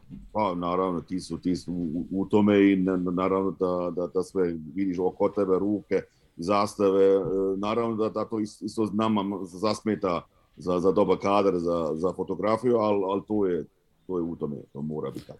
Da, ali dobro, ovo je lep. O, dobro, ti si ovde iskusan, zna se kako se progurati, namestiti. Čekaj, je to projektor iznad da. tvoje glave ili se meni čini? Molim? Je to projektor iznad tvoje glave? E, da, projektor jeste, jeste. na, da, da. na plafonu. A nema, samo profesionalno. Ne, blurovaći ga automatski, nema veze, ali ga pa malo ga otkrije, rekao, ok, projektor, neka, sve je to ok. I u svakom slučaju, da, Ferrari, Carlos Sainz, ajmo da spomenemo Carlos Sainza. Ljudi, stabilna, dobra, kvalitetna vožnja. Ljudi, 30. E, trka koju je zredom završio. Re, rekorder je Lewis Hamilton, ima 48 zredom završenih trka, dakle, Carlos Sainz bi ove godine mogao da, da postane rekorder po tome, da bude da, da, da skine jedan od, od redkih e, rekorda koji neće biti u vlasništvu Luisa Hamiltona. Tako da, ono što pričamo i meni, meni bar, bar tako izgleda, Charles Leclerc je brži, a Carlos Sainz je pouzdaniji vozač i i odlična kombinacija za, za italijanski tim, očigledno. Ma ono što je Ferrari, to smo i rekli, neophodno. I Ferrari koji vodi sada u šampionatu konstruktora, o tome ćemo tek pričati. Mercedes je drugo plasiran u šampionatu konstruktora, Red Bull nema ni jedan jedini poen. Da znaš ko je treći? Ko je treći? Haas bi morao da bude treći. Haas. Da, da. Haas je rekao da nisam promašio nešto kad sam se spremao, ne, ne, da je nije, Haas. Nije Hasan, nego Haas. Čekaj, si zadovoljan? Ajmo, a, ok, mali skok, ajde, doći ćemo do Red Bulla. Si zadovoljan tvoji prezimenjaci, to jest imenjaci, šta su uradili? pa slušaj, naravno, naravno, Magnusno nije to bio, kakav kaže, uh, pun pogodak za, za njih, nije, nije moglo biti, biti bolje, naravno. I cijelog vikenda je je svoje obradio i bilo se oko ekipe, on zna mnogi ljudi još, to sam, mislim, doći na, nakon godinu dana, sjesti u jedno auto, nakon hladan e, i to, to, tako nešto zavoziti, svaka čast. Da, to je ono što smo spominjali. Da. Da, da, da, da prosto to do, zvuči kao dobro rešenje za ekipu Hasa. Da, ali to, to je neverovatno kako nismo uopšte razmišljali u tom pravcu, a toliko je logično. Šta? Pa do, dolaza Kevina Magnusa. Da, da nije nam palo znači, na nema, da, apsolutno. nema logičnijeg poteza. Jedino što Kad se smo... prisjetiš relacije između vozača i, i, i, i tima, da je tu bila jako, onako jedna jako dobra simbioza, da su oni odlično sarađivali, da nikad nije bilo neke zle krvi. Mislim da je Kevin Magnussen bio idealno rešenje, evo, početak kao i snova. Najbolji, najbolji rezultat Kevina Magnussena, nikad nije bio, ako se ja ne varam, peti u, u onoj prethodnoj eri vozača Hasa. Tako da, sjajno. Pa on je bio, mislim, na, na ono, prvoj utrci ono, u, Australiji, on je bil dobro, on četvrti i peti bila, ali yes. on imali onu, onu nesreću, ona što nije, ono, je gubu, mehaničar, da. Tako treba, da mehaničar, ali inače, već u toj prvoj utrci su već isto bili dobri, oboje. Jesu, jesu. Da. Oni sad čak mogli do podijuma da, da nije bilo te greške da, mehaničara. Da, da, da. A rekao mi jedan kolega iz Danske već 3-4 dana prije, da malo, da malo obratim pažnju na Magnusona, samo je bilo problema, on se morao dati, je li imao kontrakt sa, e, sa tamo sa Amerikom, da, da, da vozi i, i morao to platiti nešto ipak da, da izađe iz tog ugovora. Da, da. Da, inače, kada pričamo o Hasu, o tome smo spekulisali prošli put, da mnogi zapravo veruju da će Has biti izuzetno konkurentan i da Opa, neko ovde sluša, nemojte reklame, molim vas, pa kada pomisliš na ne znam nija šta, a to je ovde mnogo telefona, atmosfera je... O, o dobro, opušteno. Ne, prozivat ćemo osobu, pošto ta osoba nikad ne greši, ali će sada da padne prozivka, ej, jao, radost, to je koleginica iz prodavnice koja je došla da vidi šta se ovde zbiva, Ali dobro, kako to zvuči iz prodavnice. Zapamtio kaj da isečemo ovo, da čuvamo ovo, znaš. Sad se... Ali dobro. Moram malo da te blamiramo, pošto, pošto ne volim da bude u centru pažnje, ovo je savršena prilika. Elem, da se mi vratimo na, na Haas, ta spekulacija da bi mogao zaista Haas da bude njegova rešenja odlična, ispostavilo se tačnim. I ne samo Haas, već Ferrari, ako pogledamo, Alfa Romeo osvojila poene sa oba vozača. Haas osvojio jedan poen sa jednim vozačem. Ferrari na prve dve pozicije. Od šest korisnika Ferrarijih agregata, pet ih je osvojilo poene. Pet pri čemu Haas je ganjao Mercedes. Čekajte, to je izjava koju nisam očekivao. Uprko svemu, Haas juri Mercedes. Pa ja, Čekaj. ja moram ti priznati da se malo, malo sam u, u startu, ne mogu kaže sad, ne koristi termin uplašio, ali sam bio skeptičan kad je počeo Magnussen da gubi pozicije. Delovalo je kao da se trke, vraćamo unazad. Da. I ovaj, pomislio sam da, da neće moći da, da, da prati, da prati ovaj tempo, međutim kako je trka odmicala, Haas je bio sve sigurniji taj neka, št- šta je dobro, ta neka konstantnost koju imao, ajde da kažemo nekog sedmog, osmog kruga do kraja je je trku učinila još ovaj još lepšom za Haas i, i, i, na, i na tom učinku, na, na tom intenzitetu, e, tempu koji je imao Haas mogu da baziraju e, da baziraju budućnost. E, za razliku od Botasa, gde je opet ispoljio onu svoju staru boljku, loš start, sa sedmog je pao na 14. mesto i da, da je imao bolji start Valtteri Bottas. Ja ne znam kako bi izgledao taj duel sa Mercedesima u finišu trke. Da li bi Bottas imao tu neku šansu da se možda bori i za, i za podijum, teško je sad reći sa, sa ove distance, ali, ali napravio je stvarno razočaravajući start i bio Valtteri Bottas. Taj segment je nedostajao da pričamo, da pričamo sa onako uskićenjem uh, kada su u pitanju mogućnosti Alfe ove godine. Ili, ili bar u ovoj prvoj fazi sezone, da ne, neću kažem ove godine, pošto maraton je i mislim da će se malo stvari menjati kako, kako vreme bude odmicalo. Pa, kao što si, sve si rekao, dakle, ne znamo i ono što jeste velika šteta zapravo upravo ta situacija u kojoj se našao Valtteri Bottas, da opet pričamo o tome šta bi bilo kad, Kad bi bilo, pa da, često smo u karijeri njegovi pričali ovaj, na tu temu. To tako zvuči kao Bottas, ali Hasane, jesi ga video možda posle trke, pre trke, znamo da si ga i vozio u predsenskim testiranjima, ti si rekao da nikad raspoloženiji nije bio. Kako je izgledao Ne. sada? Pa dobro, na- na- naravno da, da, da bi bio ljut za start, o, ipak da, da to nije uspjelo tako kako treba, ali na kraju je, je bio jako zadovoljan i mislim da je, da je baš te, te bodove i dobro zaslužio. Da je, ko zna kako bilo start, možda bi mogu uzeti kao što Pavel kaže, pod za treće mjesto, to, to bi bilo lijepo gledati za, za Hamilton. Dobro, u Park Fermeju bio fin gest da je, da je čestito Hamilton on njemu isto na, na, na, na, na njegovo utak. To baš bilo lijepo vidjeti. Da, pa dobro, Pa oni da, su oni su- čestitali jedan drugom i kad su prolazili kroz cilj, mahali su konačno... Da, oni su imali dobar odnos, da. Da, pa Svestan je Hamilton koliko je bio i utice Valterija Bottas u svim ovim titulama koje je osvajao. Pa to je i rekao kada je odlazio Valtteri Bottas da je to bio najbolji klubski kolega kog je ikad imao.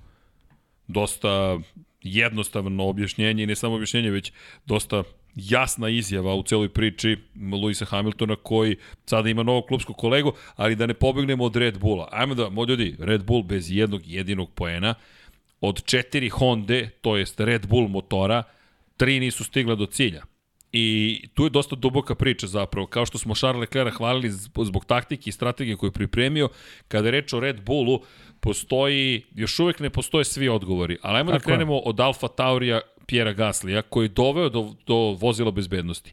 Otkazao je MGUK, dakle motor generator ke, kinetičke energije, koji se inače nalazi sa leve strane kod Honda, dakle na pozadini, ako ste vidjeli oplata kako se istopila tokom direktnog prenosa, zapravo je došlo do takvog otkazivanja da je nastao požar, očigledno neko, neki fluid nešto iscurelo, zapalilo se i stopilo je s unutrašnje strane oplatu i to smo mogli da vidimo mehuriće prosto kako su se stvorili od toplote, videli smo i požar očigledno, ali gde se postavlja pitanje šta se tu desilo. Dakle, ono što ne znaju još uvek jeste, inače to nije prvi put da se takvi problemi dešavaju u Hondi. Dakle, nije prvi put da MGUK tako otkaže, ovoga puta, dakle, nešto što, ih, što im se događalo i u prošlosti, ali kada pričamo o Verstappenu i Perezu, velika sumnja ide na pumpu mm -hmm. goriva, Gorivo, da.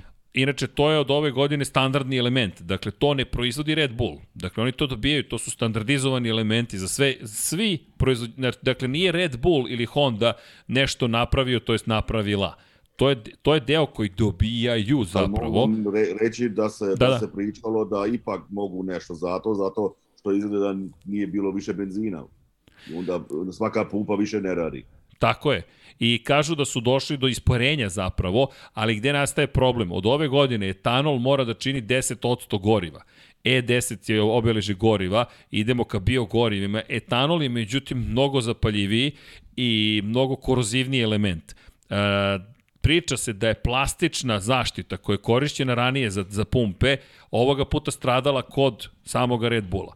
Gorivo je takođe standardizovano, međutim, nije standardizovan Sastav je standardizovan, ali ne i proces mešanja goriva, što ko je studirao ili studira tehnološko-metalurški fakultet ili voli hemiju, petrohemiju pogotovo, zna da je kritično kada je reč o tome kakvo ćete vi da dobijete gorivo na kraju. Pa kažu da i Mercedes ima problem zbog novog goriva takođe.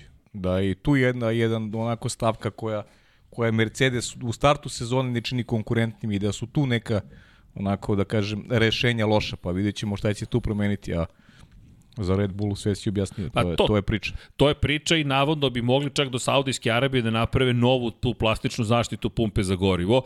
Spekulacije su dve, dakle da su ostali bez goriva i drugo da je njihovo gorivo agresivnije, to je da smeša koji su napravili agresivnije iz perspektive korozivnosti, da uništava više samu pumpu, kako god i kod Verstappena i kod Serhija Pereza su otkazale pumpe, blokirale motor i to je blokirale točkove kod Pereza, kod Verstappena je bilo postepenije otkazivanje, on je odustao, ali kod Verstappena se desila još jedna stvar. Dakle, kod njega je stradala zapravo, ako pogledate Pokušat ću da nađem fotografiju da, da vidite zapravo veza sa poluga koji se koristi za skretanje.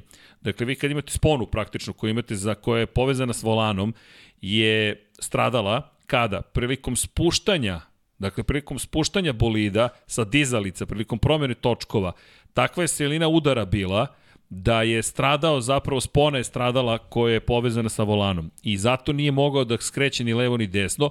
Jedna od pretpostavki je bila da je možda stradala hidraulika, pošto ima servo.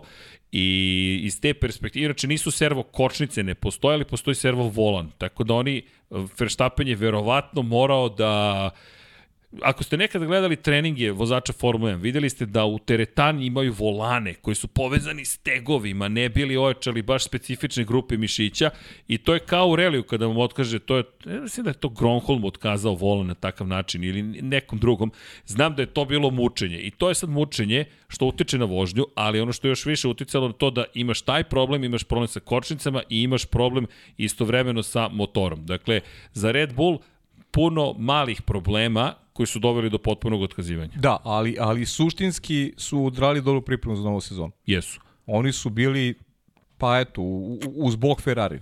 Da nije Tokom bilo... čitavog vikenda i u kvalifikacijama, tempo za trku takođe jako dobar iz percepcije oba vozača, dakle sve. Red Bull je dobro ušao u sezonu i mislim da se tu krije i, i razlog one sreće Luisa Hamiltona i Mercedesa, jer e, su profitirali u odnosu na rivala koji je trenutno bolji. Jer Luis vrlo dobro zna da, da, da stvari neće izgledati ovako uh, u nastavku sezone, da će Mercedes biti bolji nego što jeste trenutno. Koliko bolji saznaćemo u neku narodnom periodu, ali ali su realno profitirali u odnosu na, u odnosu na Red Bull. Da, inače, kada pričamo o, o, o očekivanjima, teško je promeniti, dakle, taj deo sa pumpom, kažem, neće biti promenjen, ali mogu da porade na pojačanju tog plastičnog zaštitnog dela. Exxon Mobil sad da proizvede odjednom novo gorivo do Saudijske Arabije Nemoguće misija. Ne, da, zaista nemoguće misija bez testiranja, prevelik rizik, ovo, ovo već poznaju. Tako da mislim da će morati da, da se i dalje nadaju da su radili dovoljno, ali bih podsjetio na jednu bitnu stvar. Na početku hibridne ere Mercedes je imao otkazivanje u prvoj trci sezone. Lewisu Hamiltonu je otkazao motor, Nico Rosberg je zabeležio pobedu. Tako da ultra dominantni Mercedes je svoju eru dominacije započeo otkazivanjem jednog bolida. Ovde imamo otkazivanje 3 od 4, ali ono što može Honda da zajedno s Red Bullom, čime može da bude zadovoljna, je brzina na pravcu. Hasane, se to videlo, dakle, jer mi kad smo videli Red Bull protiv Ferrarija, Videli smo da DRS daje 30 km na čas veću maksimalnu brzinu nego od Ferrarija. Činjenica Leclerc nije ni prebacivao osmi stepen prenosa, puštao je ranije gas, ali, ali opet je Honda delovala baš moćno. Ja ne znam da li si ti stekao takav utak, šta se priča tamo, ako je uopšte bilo priče o motorima koji si uspeo da čuješ? Pa mislim da, da uvijek ti su rekli da, da Honda ipak ima na, najbolji motor. To dakle, rekli, najbolji motor kod Honda. To si videlo na, na pravcima da izgleda imaju najveći konjskih snaga. Ferrari nije najjači, ali je konstantan. To, to je ono što smo videli. I Mercedes koji kao da je ostao u prošloj godini, bukvalno. Inače, samo da pojasnimo kada reč, dosta se priča o zamrzavanju motora i razvoja motora. Ovo su hibridi. Dakle, motor sa unutrašnjim sagorevanjem plus elektromotori, to je generatori MGUK i MGUH. MGUH će se koristiti do kraja 2025. Motor s unutrašnjim sagorevanjem ne možete više da razvijate. Ali, sistem kao sistem MGUK, MGUH, kad koji dopunjuje koga i sam razvoj MGUH, MGUK još uvek je moguće u, u budućnosti razvijati. Tako da polje razvoja postoji, Nije to tek tako zamrznuto, ali činjenica je da je Honda prošle godine takvu investiciju napravila, pa čak i taj čuveni Exxon Mobil, na Racing News 365 je pisao početkom janara o tome da je šef Exxon Mobila bio zbunjen naporom koje je Honda prošle godine uložila kao investiciju za budućnost i za ovu, i za, to je za tu godinu 2021. i za buduće, i da je bio frapiran koliko su truda uložile, to se sad i tekako vidi. Isplati se. Pa naravno. I sad samo ostaje pitanje po, samo, pouzdanosti. Ali mislim da mogu i dalje biti veoma zadovoljni. Konačno Yuki Tsunoda je osvojio poene za Alfa Tauri. Pa dobro, mislim, to je sad... Bar neko. To su, da, neki poeni, mislim da je jako, mislim, važnije šta će, šta će Red Bull ovaj, Ali on je uraditi, nekako ali... potvrda toga da imaju o čemu da Ne, imaju, pozitivno da ne, ne, razmišljaju. imaju. Oni s, s, bodovno su, bodovno su za ostatku posle prve trke, ali oni nemaju razloga za brigu. Mnogo više razloga za brigu imaju neki drugi. Tačnije, Mercedesovi Konkretno korisnici, Mercedes. Mercedesovi korisnici generalno i to je neko i neko pitanje, pitanje koje najviše dobijamo vezano su za vezano su za Mercedes, ali ajde o tom potom Pa imamo. možemo odmah da iskoristimo Pa možemo, priliku. ali ajde i da prođemo malo da još neke pozitive koji su se pozitivne stvari koji su se desile vezano Hoćeš za pozitivu prvo da... Pa da, pa ćemo Okej, kad kasnije. ćemo doći I, imamo imamo Merc- Mercedes je stvarno promašio temu od početka Jeste. godine i mnogo više iz perspektive rezultata možemo da pričamo ova tri tima koja su negde u, u, u donjem delu pogotovo McLaren koji je za mene onako To, potpuno to je tek tragična onako, priča. Evo, baš to, ja ne znam koji je minut na, podcasta. najveće, najveće razočaranje nismo rekli ni reč. 52. Evo, prvi put da smo izgovorili Tako je. McLaren. Ali, ali mislim da više pažnje, malo je tu zaslužuje i taj Guanyu Zhou koji Jest. prva njegova trka u karijeri, dečko osvojio poen, svaka čast. Fascinantna mislim, vožnja, on je bio tu god- non stop. Pa da, kakva god da je relacija bila na stazi, kogoda je su Ferrarijevi korisnici bolji na otvaranju sezone, mislim da je da je vredno pažnje da momak koji je koji je debitant da da završi trku u poenu. To je retki su vozači a da nisu vozili za ove najjače ekipe da su u debitanskoj trci osvajali poen. Kakav je Gvanju Žoj? Si uspeo nešto da pričaš sa njim ili sa Alfa Romeom, Hasane?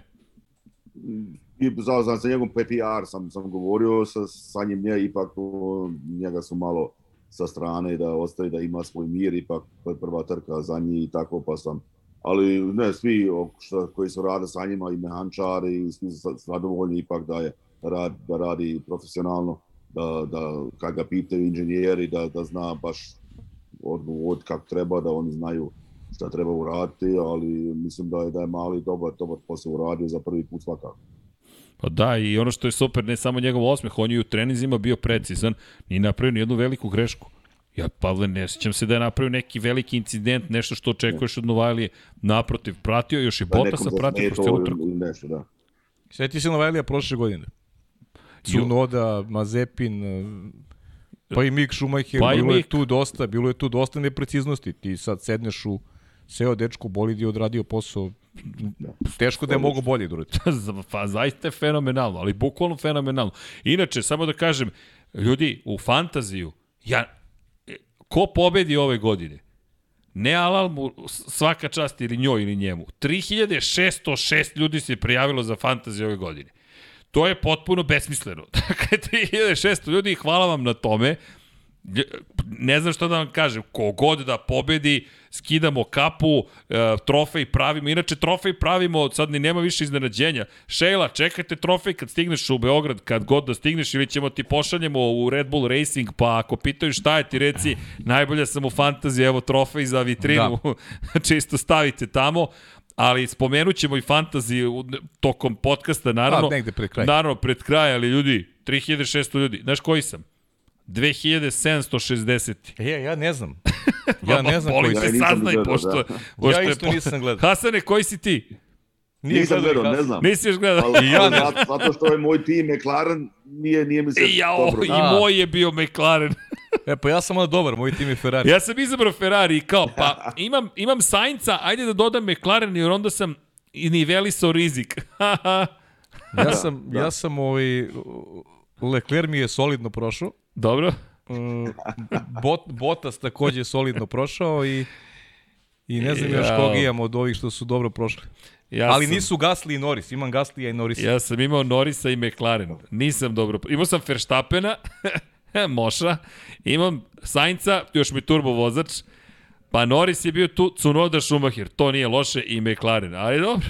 Tako da, ko pobedi ove godine, svaka čast. Ele, da se mi vratimo Gvanju Zhou i Alfa Romeo. E, pričali smo o Alfi, hajde malo se hvalimo, ali to je možda i sreća zapravo. Pre, kad, dok, kad sam bio u Čilu, pričali smo o Alfa Romeo i da se tu nešto valja, kotrlja, da deluje ozbiljno ekipa, Botas da bi mogao da bude opušten i baš su se poklopile stvari dobro. Bez obzira na loš start, baš se dobro poklopilo. Ma sve super, mislim. I idealan scenariju za ekipu. I uvek je lepo videti te, te timove u kojima u stvari ne znaš kakva im je budućnost. Tako je a da, a da urade dobar posao. I to jeste lepota ove sezone. Pričali smo često tokom uh, predsezone, aj tako da nazovem, pošto smo bili aktivni konstantno svakog utorka, da, da, da je velika neizvesnost, ali mnogo mi više raduje taj pomak koji su napravili Alfa Romeo i Haas nego, nego bilo šta drugo, jer neophodni su nam ti timovi srednje kategorije, govorimo stalno o tom, jer oni su dobri za promociju mladih vozača, e, dobri su za, za, za budućnost sporta svakako, jer nije poente da 3-4 ekipe budu dobre, da su ostale e, posmatrači onoga što se dešava na stazi. Nego da se malo promešaju karte, da oni mogu da utiču i na ishode da iskode ovaj na iskode trka u tom nekom pozitivnom smislu jer zašto kažem pazi kakva je prilika bila za Bottas uz dobar start stvarno je mogu da se bori i sa Mercedesom na početku Alfa je četvrta u šampionatu konstruktora a da fenomenalno. Odmah iza pa, Hasa. pa, pa, pa dva vozača dva vozača u poenima i ono što smo što sam takođe da ne zaboravimo Alpina uz Alpina, sve te neke, ajde da kažemo, neizvesnost, promene. Sedmi, deveti. Sedmi i deveti. Ako ništa drugo nisu, nisu gori nego što su bili. Pa nisu, da. Eto, bukvalno nisu gori nego što su bili. Ja verujem sa, sa nekom, sa, sa, sa mogućnošću da, da, da napreduju tokom godine. Jer bilo je mnogo pitanja šta će Alonso ukoliko ne, ne dobije konkurentan bolid. Mislim da, mislim da je Fernando Alonso sada jedna potpuno zrela ličnost i da i, i verujem da će imati motiva da, da vozi naredne godine, jer uh, svestan je on nekih relacija, nije to sad više ono, ono Hasane. mlada glava uzavrela, znaš. Ajde pitamo Hasana, Hasane, kako ti izgleda sada Alonso?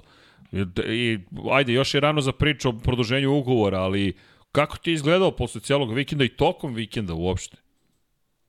Pa, sasvim e, zreo čovjek, mislim, nije više nakon naprednu, on je bio u istom hotelu gdje i ja, pa vi vidi, vidiš ga na plaži i šta ja znam, prije priča ljudi, prije nije, prije nije on to nikad, nikad radio, nek, ali sad, sad nije uvijek sam za sebe i tako bio, a sad ipak e, pridruži se, progovori malo normalno i nasmije se, mislim, uvijek bio ozbiljan čovjek za mene, e, da, da ono, introvertivan, da, da ima svoje, e, da, da radi, da hoće da vozi i drugo ga ne interesuje. Ali sad ipak ima svoje e, intervju na, za televizijom i, i za novinarama i tako, ili kad nas vidi, e, pogleda, pozdravi i tako, ipak malo drugačiji čovjek postao.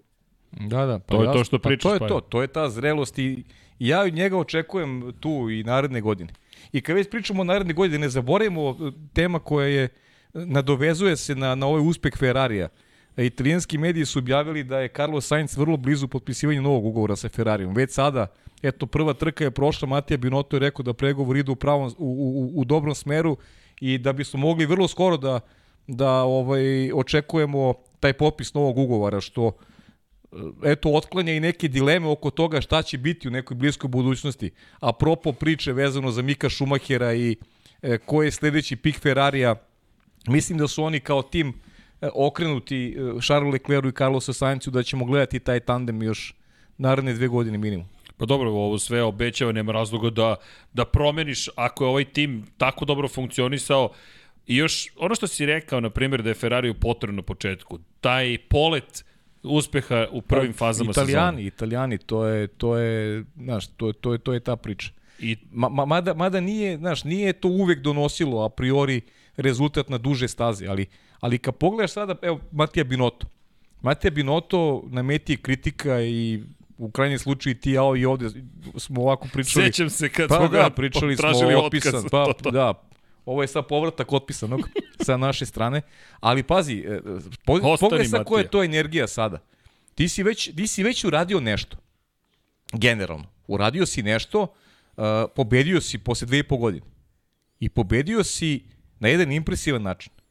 U svakom smislu, koliko je Ferrari i taktički znao da zakaže, da, da tu su bile i dobre promene. Pazi, ti imaš tri promene pneumatika. Tim ni u jednoj situaciji nije zakazao. Niko od Leclera, niko od Sainca. Dakle, sve su radili kao tim kako treba. Sve. Imali su pritom drugačiji i taktički pristup finišu trke. Jesu. E, ja mislim dobar, ali to je samo moje mišljenje. Ja mislim da je bio dobar. Sudeći po tempu, ako su imali srednje tvrde gume, rekao bih da Leclerc ne bi bio ugrožen u finišu trke, ali to nećemo nikad saznati. Naravno. Vidjet ćemo neke druge prilike kako će se ponašati Ferrari. Tako da je sada potpuno drugačija energija oko tima i dobio je prostor za jedan mir, za miran rad Matija Binotto, a dobili su ga i vozači. E, s tim što će sada, naravno, e, Leclerc, kako trke budu odmicali, ukoliko Ferrari nastavi u ovakvom ritmu, sam sebi će početi da postavlja onako visoke ciljeve i na njemu je da, da opravda ta očekivanja i da uđe onako frontalno u duele sa momcima koji znaju kako se osvoje Kad šampionska titula. pričaš o frontalnim duelima, pred samu trku su pitali Charles Leclerca šta ćeš sa agresivnim manevrima, to je protiv agresivnog Verstappena. Rekao je, pa ja sam agresivan. I rekao, ja znam Naravno. kako da se branim, ja volim tu vrstu vožnje, samo volim da bude čista vožnja, nije, nije implicirao da neko ne vozi čisto, već da on hoće tvrdo da vozi. Jedan od ključnih manevara je bio u krivini broj 4, kada je Verstappen tražio prolaz. Zalupio mu je vrata, nije tu bilo puštanja ranije.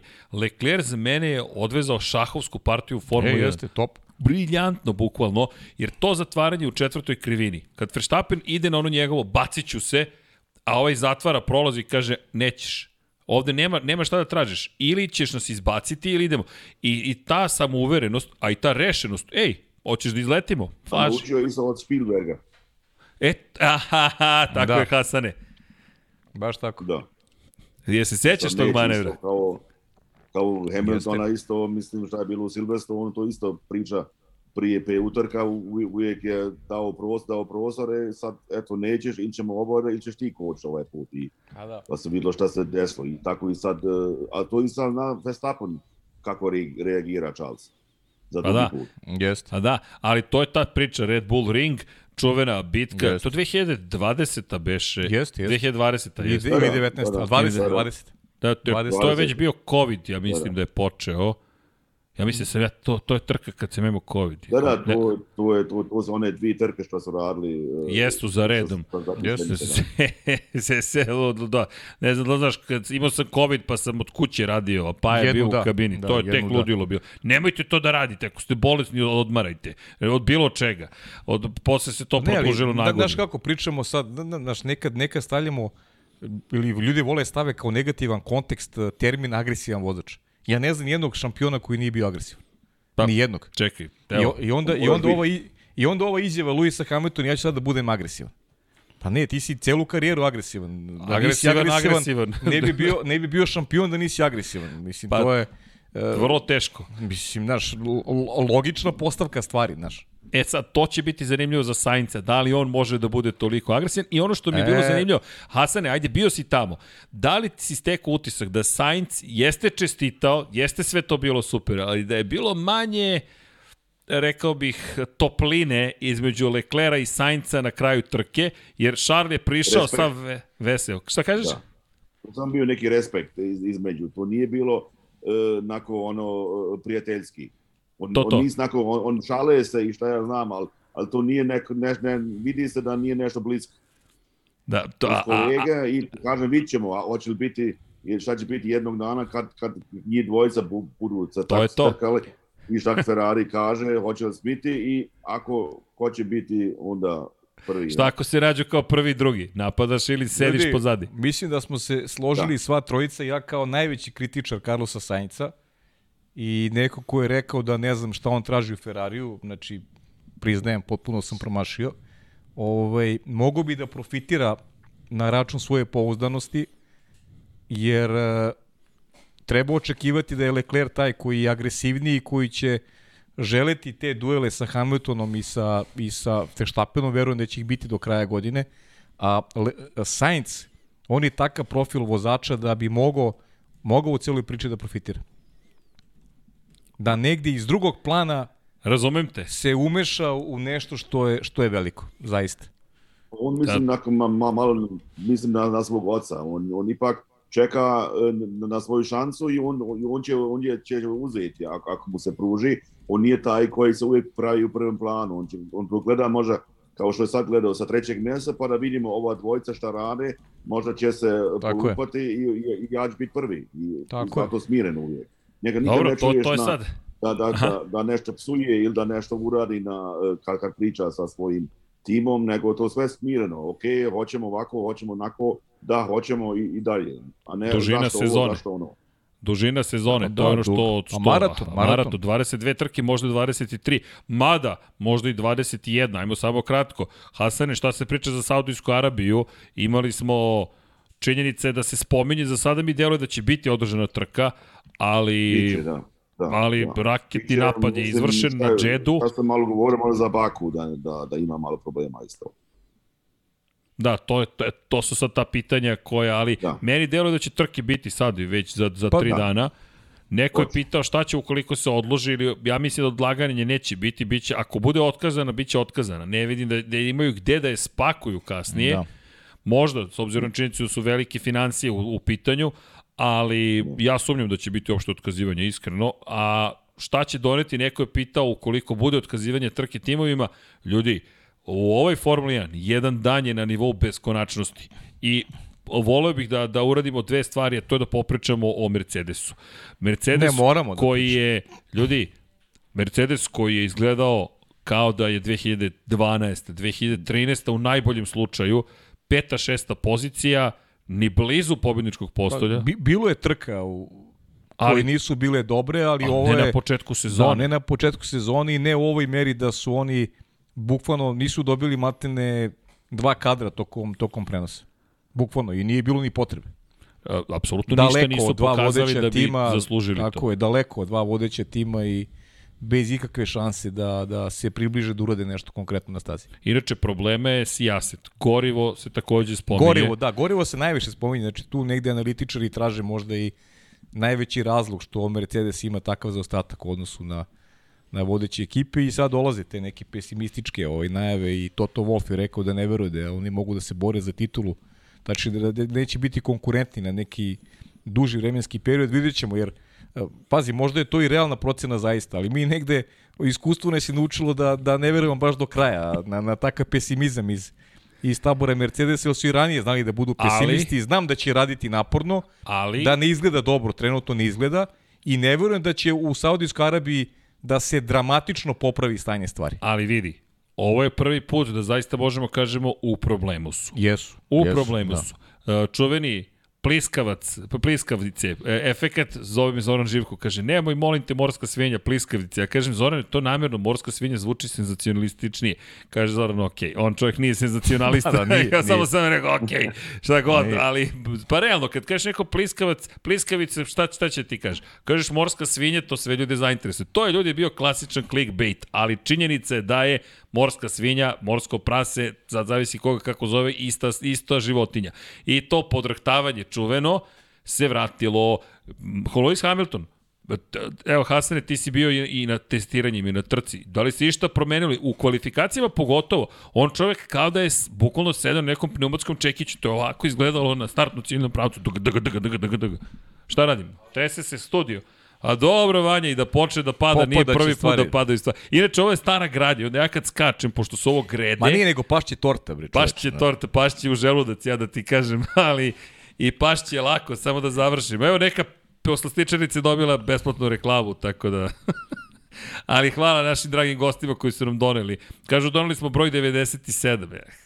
Kakvi trikovi, zna se 76. Elem, da se mi vratimo na Mercedes. Poskakivanje je bilo ozbiljno, je se išta promenilo ili je bilo još gore, Hasane? Ti si tamo, to, nama je to mnogo važno. On, pa dobro, on, on, on spromijenili, on nek, ne, neki dio od, eh, od, od, od poda su malo o- ono, odbacili, pa Jeste, sekli su bolid. bolid. Da, da, ali, ali, ali, ali odmah nije, nije bilo vrijeme, to e, nisu imali taj, taj Pa da. downforce više koliko treba u krivinima, pa su ponovo vratili, ali uh, isto u, u tog kvalifikacijama i isto naj, najgore je bilo na, ja mislim, na drugoj e, na drugom treningu, to, to su one, iza njega to je odjekilo, to je ne, nemoguće bilo. Ja, kakav je zvuk ne- ne sa strane kako- kad stojiš? Kako njemu nije bilo slabo u tome. Pa to, jer zvuči kao da će ti pozliti svakog časa. Drugo, da. Čuješ tokom prenosa kako udara pod, do bukvalno udara, boli, bolid jednostavno je toliko nisko podešen i kada se stvori taj efekt tla, usisa se bolid, niski, polje niskog pritiska je tako snažno, ono dotakne tlo, poništi efekt, dođe do stolinga, vrati se gore i to počinje. I na McLarenu isto, to, to, to je bukvalno seče asfalt, to tako zvuči. Da, tačno. I vidi se na, na, na, na, na, asfaltu, bilo 3-4 ožujke, gdje se vidi baš crno, e, gdje, gdje te bolide e, baš to, to, i- i- idu na taj asfalt, dotaknu, da. Jasno. Pa da, to je to, je to bukvalno. I, I inače, nisu sigurni, kažu da, apropo, gorivo, zatim poskakivanje, da su to stvari na koje najviše moraju da obrate pažnju, pri čemu negde George Russell kaže, Lewis Hamilton je zapravo rekao da Mercedes brz samo u brzim krivinama, u sporim i srednje brzim krivinama se muče, veruju da će poskakivanje do nekle pomoći, ali smatraju dalje da ne veruju da će to rešiti sve probleme kažu da su od 0,6 desetinki, to je od 6 desetinki do 1 sekunde po krugu spori od Ferrari i Red Bulla u trci, a u kvalifikacijama od pola sekunde pa malo više od toga. To su zastrašujuće dimenzije, za, pogotovo za Mercedes. Osam titula za redom. Inače, izvinjenje, ponavljao sam par puta da je sedam titula nekome ispravio. Osam titula za redom su osvojili Da, u ja, šampionatu ja sam rekao isto, ja sam rekao sedam. A osam, nekako smo zaboravili, da, da, tu osmu iz tu prošle osmu, godine. Da, da. I, I takav tim, naravno da je neočekivano ovako da bude. Inače, Hamilton koji ima novu žutu kacigu. Kakva je kaciga, ova nova žuta? Nije fino, nije lijepa boja. Ne, Nije. Nije ali nešto. Ali se vidi iz Pa daljine. mislio, ne, ne, ne dopada se, on, on, on, on, njegov broj je isto ono, ono žuto na, na, na kraju bolida, na onom srebrnom, nekako ne vidi se isto dobro, nije, nije lijepo izgleda. Da, na TV-u zato se dosta jasno vidi da je to Lewis Hamilton. Iz daljine znaš da je to Hamilton. Pa dobro, Inače, da, zanimljivo, bacimo uzeo da. žutu kameru, to je meni fascinantno. Žuta kamera obično Da. ide za vozača broj 2, ali on izabrao žutu. da, da. To da. mi je bilo I baš ne- onako interesantno. Začudilo me prvi put, jer ipak gledaš na, na, na kameru, ipak malo orijentiraš da, da znaš koliko, koliko dolazi i misliš, aha, to dolazi drugi vozač, a ono bio Hamilton, to baš bilo čudilo. E, to, to, a to, a to smo mi isto navikli. Znaš, otprilike po žutoj kameri koga ekipa smatra da je vozač 2, možemo mi Drugi, da se da, lažemo, ali da. nema potrebe. Da. I on je izabrao tu A žutu boju. bio u drugoj garaži. Kako? Mislim, u, prvo, u, u, u prvoj garaži bio, bio Tako Russell, je. a on je bio u, u drugoj garaži. Ba, ne, nije bilo normalno. Zanimljivo. drugačije. Možda deluje kao detalj, ali mi volimo detalje. Da, rekao žuta boja, vraća se ka mojim karting danima, ka osnovama, ali bit ću jači nego ikada. U ovoj trci nije bio jači nego ikada. Osmeh, na licu, ali je bio srećniji možda nego ikada. dakle, dva otkazivanja i to Red Bulla. Pitali su ga, je to karma za Abu Dhabi? Rekao je, Ćuti, ćuti, kaže, ja se time ne bojim, ja, ja sam tu da vozim svoju trku. Nije se upecao, ali baš, baš se namestilo. Da, i Sergio isto i to otkazivanje Red Bulla, zaista ogroman gubitak poena. Ali dobro, meni to e, obećava da će Red Bull sada morati još jače da radi da se vrati u igru, što, što negde obećava još veće uzbuđenje, da, makar ja tako vidim prva, stvari.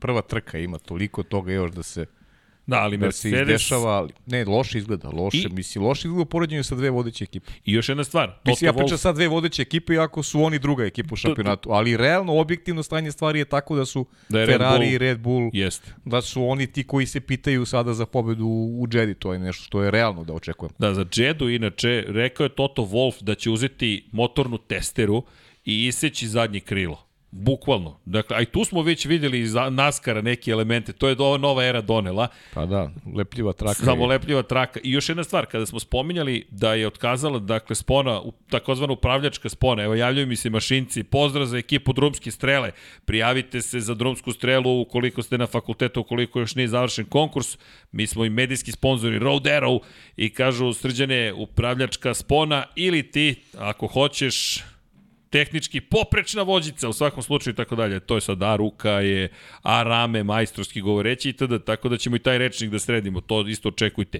Ali, kada je ona otkazala, to je bio pokazatelj još par stvari. Koliko su na materijalima štedeli gde god su mogli, ne bili olakšali bolide.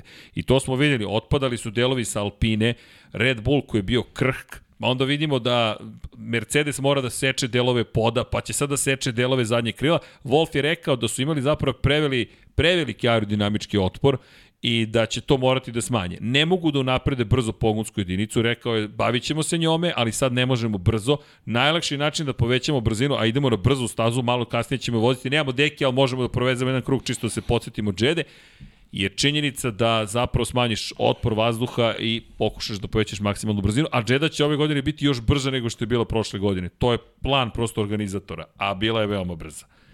I iskoristio bih priliku kada već Jedi, tu vrtimo malo Ferrari, Mercedes i td. Sainz. Neko od gledalaca je rekao, a da li se sećate koliko su se ljudi smejali Carlosu Sainzu kada je 2020. potpisao dok je vozio za McLaren ugovor sa Ferrarijem, Sainz je tada rekao ne odbijaš ugovor sa Ferrarijem. E, evo, sada je na, ovoj, na startnoj trci obišao McLaren za ceo krug. Za ceo krug. Za ceo krug. Mogu, Hasane, mogu je samo da im mahne i da kaže da im kaže doviđenja. doviđenja. Kakvo je stanje u McLarenu posle ove trke? Možemo samo da zamislimo. Pa, nik, nikako. Ja sam e, pričao prije trke, a i posle trke sa Andreja Sajdovom. Uh, kaže, mi, mi smo sve sve dati naravno što možemo od sebe i na kraju uh, naravno da su bili razočarati i pričao sam kratko sa, sa Landom, e, naravno isto ne znam, ja, ja ne znam šta da radim, nego sve radim šta i, i prije, ali, ali je, e, ono, ne ide nikako. Mu, pa, pa sad mislim da imaju isto do, dosta posla u fabrici i tu inženjera, da to nešto da vide na, na čemu, ako znaju na čemu, mislim. To je, to, to je baš ta Landova izjava je nešto što što zabrinjava, verujem, sve navijače da su oni u ovakvoj poziciji bili pre nekoliko godina. I zaista izgleda tako kada su krenuli bukvalno od nule uh, kaže Lando da nemaju ni tempo, nemaju prijanjanje da, je, da jedino što može da ih utiši je pouzdanost. I, i to je slaba uteha s obzirom na to da su toliko zaostali za vodećima, baš je neprijatno bilo da se gleda kako ih ovi vozači Red Bulla i i Ferrari obilaze za ceo krug. To je, to je nešto što niko nije očekivao, pogotovo nakon onih presezonskih testiranja u, ba, u Barceloni, pa i mi smo ovde imali da. drugačiju potpuno očekivanje i veru kada je u pitanju kada je u pitanju McLaren, ali srđene rekli smo, uh, biće nekog razočaranja. Ako se sećaš. Jeste, neko nismo, će podbaciti. Nismo znali uh, u kom pravcu će ići ta priča, ko je taj ko će da razočara. Ispostavilo se da je McLaren uh, ispod svih mogućih očekivanja, verujem, uh, očeno izgledaju i nisam siguran da mogu u skorije vreme da poprave ovaj stanje stvari, jer, jer ovo je zaista katastrofa. Uh, Mislim, ne, ne, nema, nema lakše. nije baš bolji. Ko nije bolji, Hasane? Aston Martin. Aston Martin, pa da, ista priča, ista priča. Pa da, da i oni da. su uložili pare velike i šta ja znam i um, baš isto nisu bila do, dobra performance što su napravili, mislim isto uh, dobro Hulkenberg zadnji dobro, mislim uh, ok, ali al kad se vidi da je, da je Magnus isto došao sa nule, a koji je mjesto napravio sa Haasom, ipak druga priča.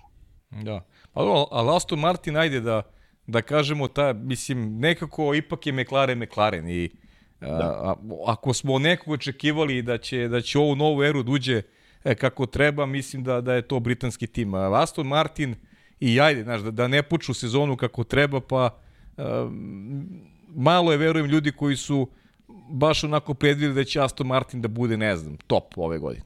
Ali McLaren je ipak, e, meni bar najveće razočaranje. Kad smo kod Aston Martina, postoji šansa da Vettel ne vozi ni, ni ovu trku u Jedi, da će opet Niko Hulkenberg biti na, na stazi. Da, inače, evo to, Niko Hulkenberg, ajde iskoristim, vratit ćemo se na McLaren, ima puno priča to oko McLarena. Inače, Daniel Ricardo je završio ispred Landa Norisa. Uprko s tome što je bio katastrofalan u kvalifikacijama, Daniel Ricardo je na kraju trke bio ispred Landa. I pritom je bio u COVID-u. Sigurno I je COVID. zdravstveno stanje onako bilo a labilno je tako da kažem. svemu, Lance Stroll je bio 12. iza Mika Schumachera i ispred oba McLarena. Ispred oba McLarena. Niko Hulkenberg, jesi se iznenadio kad si čuo da ne stiže Niko? Pretpostavljam da je to već postao I standard. on se sam iznenadio. Jel jesi iznenadio? mislim, mislim, ja, ja sam čuo da uh, utorak da je, da je, da je, da je Vettel uh, da je, da je pozitivan i nje- njega su onda u, u srijedu u- ujutru nazvali uh, da, da bi trebao da dođe onda dok je našao let i šta ja znam to iz Monako gdje živi pa je, pa je, pa je došao kasno u, u, u četvrtak na večer pa onda bio onaj seat fit, morali smo na- na- na- napraviti onu da sjedi kako treba i e, pa sam vidio u subotu ujutru je tek došao valjda njegov pravi sic da, da, da može ići. Dobro, ovog puta je bar bio spreman u kontekstu toga da, Da. da, da, da je... Simulator je igrao, to radio to i znao ipak nešto, da. Pa, da, dakle, kada pričamo o, o njemu, ovoga puta možemo kažemo da je makar bilo očekivano s obzirom na činjenicu da je rezervni vozač. Nije bio neko ko je potpuno van svega, pa se pojavio u Racing Pointu, koji je tada bio roze sa žutom kacigom Renaulta, nego ovoga puta bio spreman makar da bude rezervni vozač Aston Martina.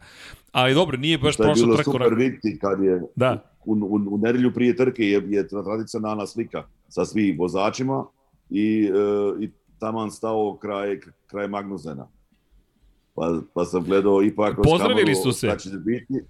Da, da, ali pozdravili su se, fino su pričali ko, ko stara druga. Ipak možda da su oba dva bili sretni da, da, da, da se vide ipak. Znaš kako, način. kad obojica dobiju otkaz i kažu dobro, nikad se više nećemo sresti i onda obojica dobiju angažman i kažu ej čekaj, ponovo se srećemo, ma u redu si ti, nema više problema, a između njih je baš varničilo O, i psovke su bilo padale. Baš jednostavno.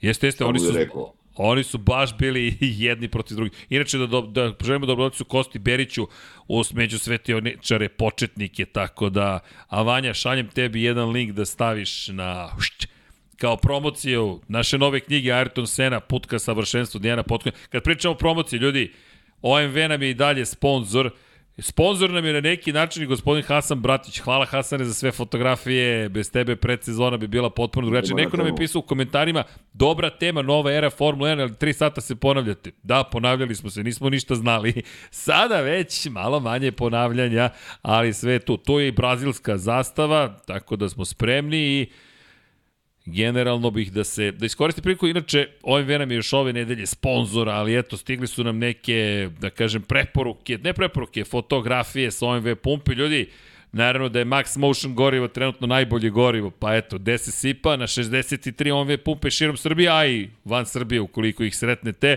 sa kojima možete da uživate u putovanjima u svim uslovima. Čekaj, čekaj, i jao, gospodin iz Austrije ima OMV karticu, to, to za sponzore da se fotkamo posle i kažemo, evo, podrška sa svih strana, tako da, ali hvala OMV-u, podržao nas je.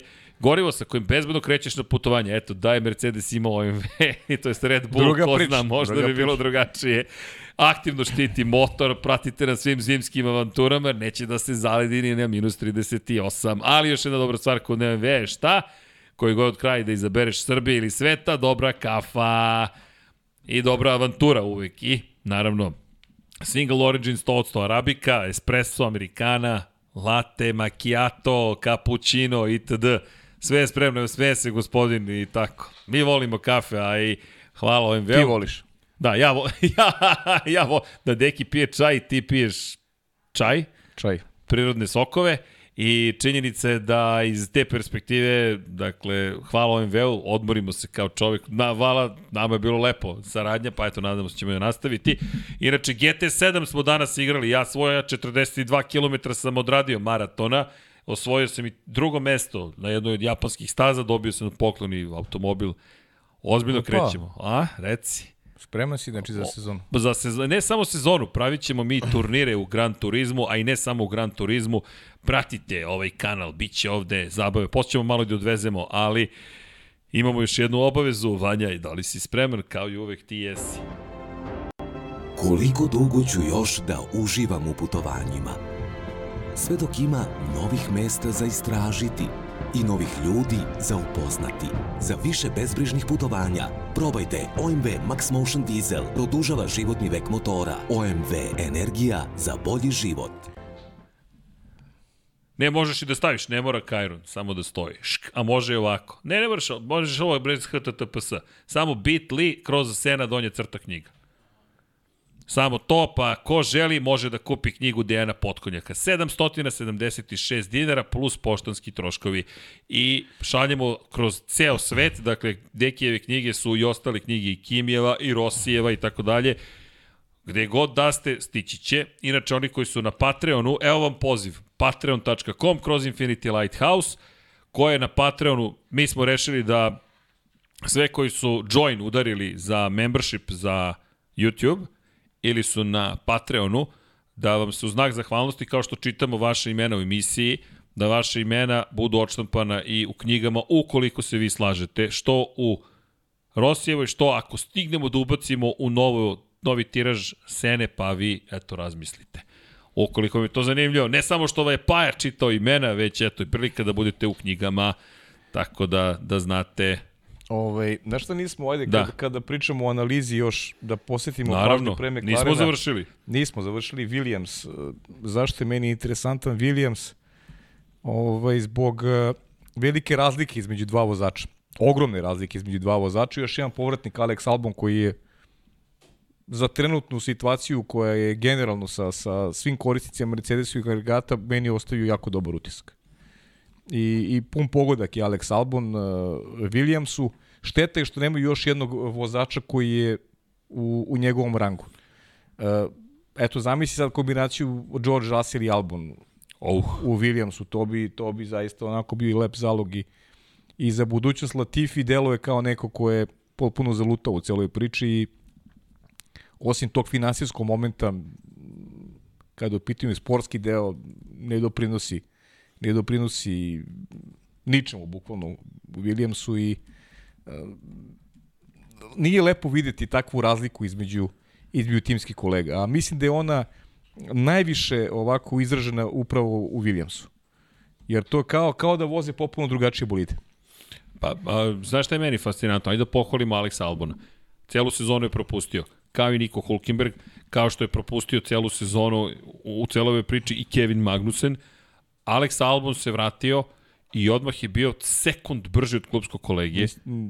Dramatično bolji u, u, u, svakom segmentu. Za Latifija neprihvatljivo, za Albona fantastično. Znaš, ne- neko ti dođe u tvoj tim, realno. Bukvalno u tvoj Dođe tim. ti u tvoj tim i sedne u bolid i, i kaže, evo vidi kako treba to da se radi. Ali kada već To je- spominješ, izvini, tragediju zvanu rezultati Nikolasa Latifija, Albon zaslužuje pohvalu, on malo nije, ne, bukvalno, bukvalno. malo nije osvojio poene, Ako neko zaslužuje pohvale od, od Mercedesovih korisnika, koji nisu iz fabričkog uh, tima Mercedesa, misli da je to Alex Albon.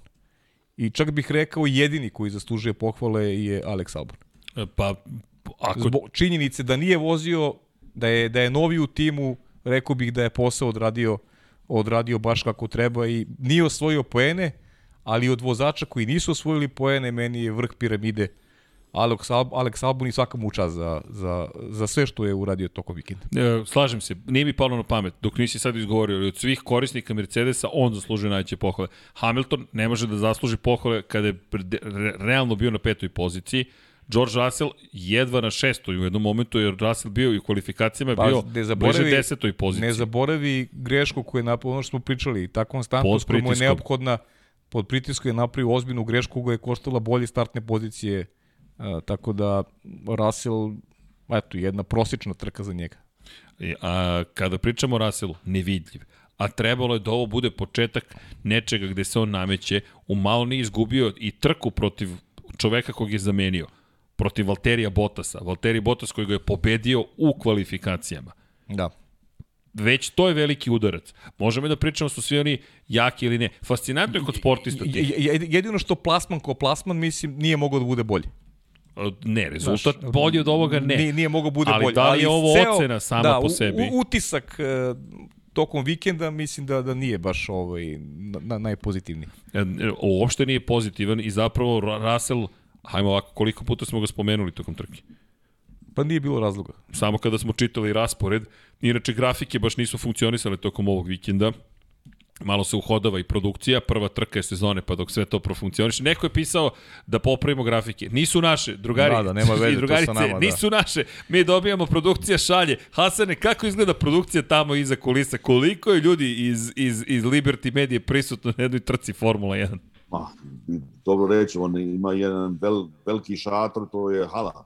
Cijela njihov, njihov communication sistem tamo, e, ne znam, ima ma, ma, najmanje 3400 ljudi, ja bih rekao, bez 300-400 Samo- ljudi u produkciji jedne Da. trke.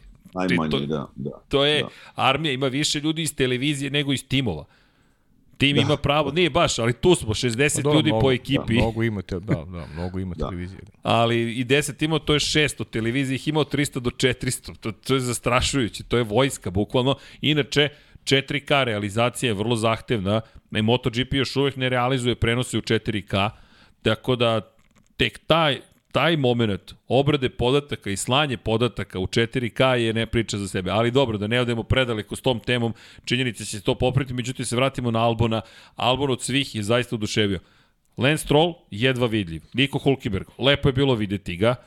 Lance Stroll zaslužuje pohvale za završnu poziciju, on je mnogo bolji trci Pa bio dobro, nego u da. treninzima, ali šta ćemo sa Williamsom Nikola Saltifija? Teško da možemo da ga hvalimo. Hamilton, pa, kao sedmostruki šampion sveta, čovjek ima preko 100 pobjeda i preko 100 pol pozicije, ne, može da, ne možemo da kažemo peto mesto, baš je bio dobar u ovoj trci. Ne, nije bio dovoljno dobar, možda je to maksimum za ovaj bolid, ali onda se vraćamo na celu hibridnu eru. I da li je do bolida ili je do vozača? Ili je to kombinacija stvari? Mislim, ja verujem da je kombinacija stvari, ali ovoga puta se vidi, ako nemaš bolid, možeš da budeš Lewis Hamilton, neće biti tog rezultata.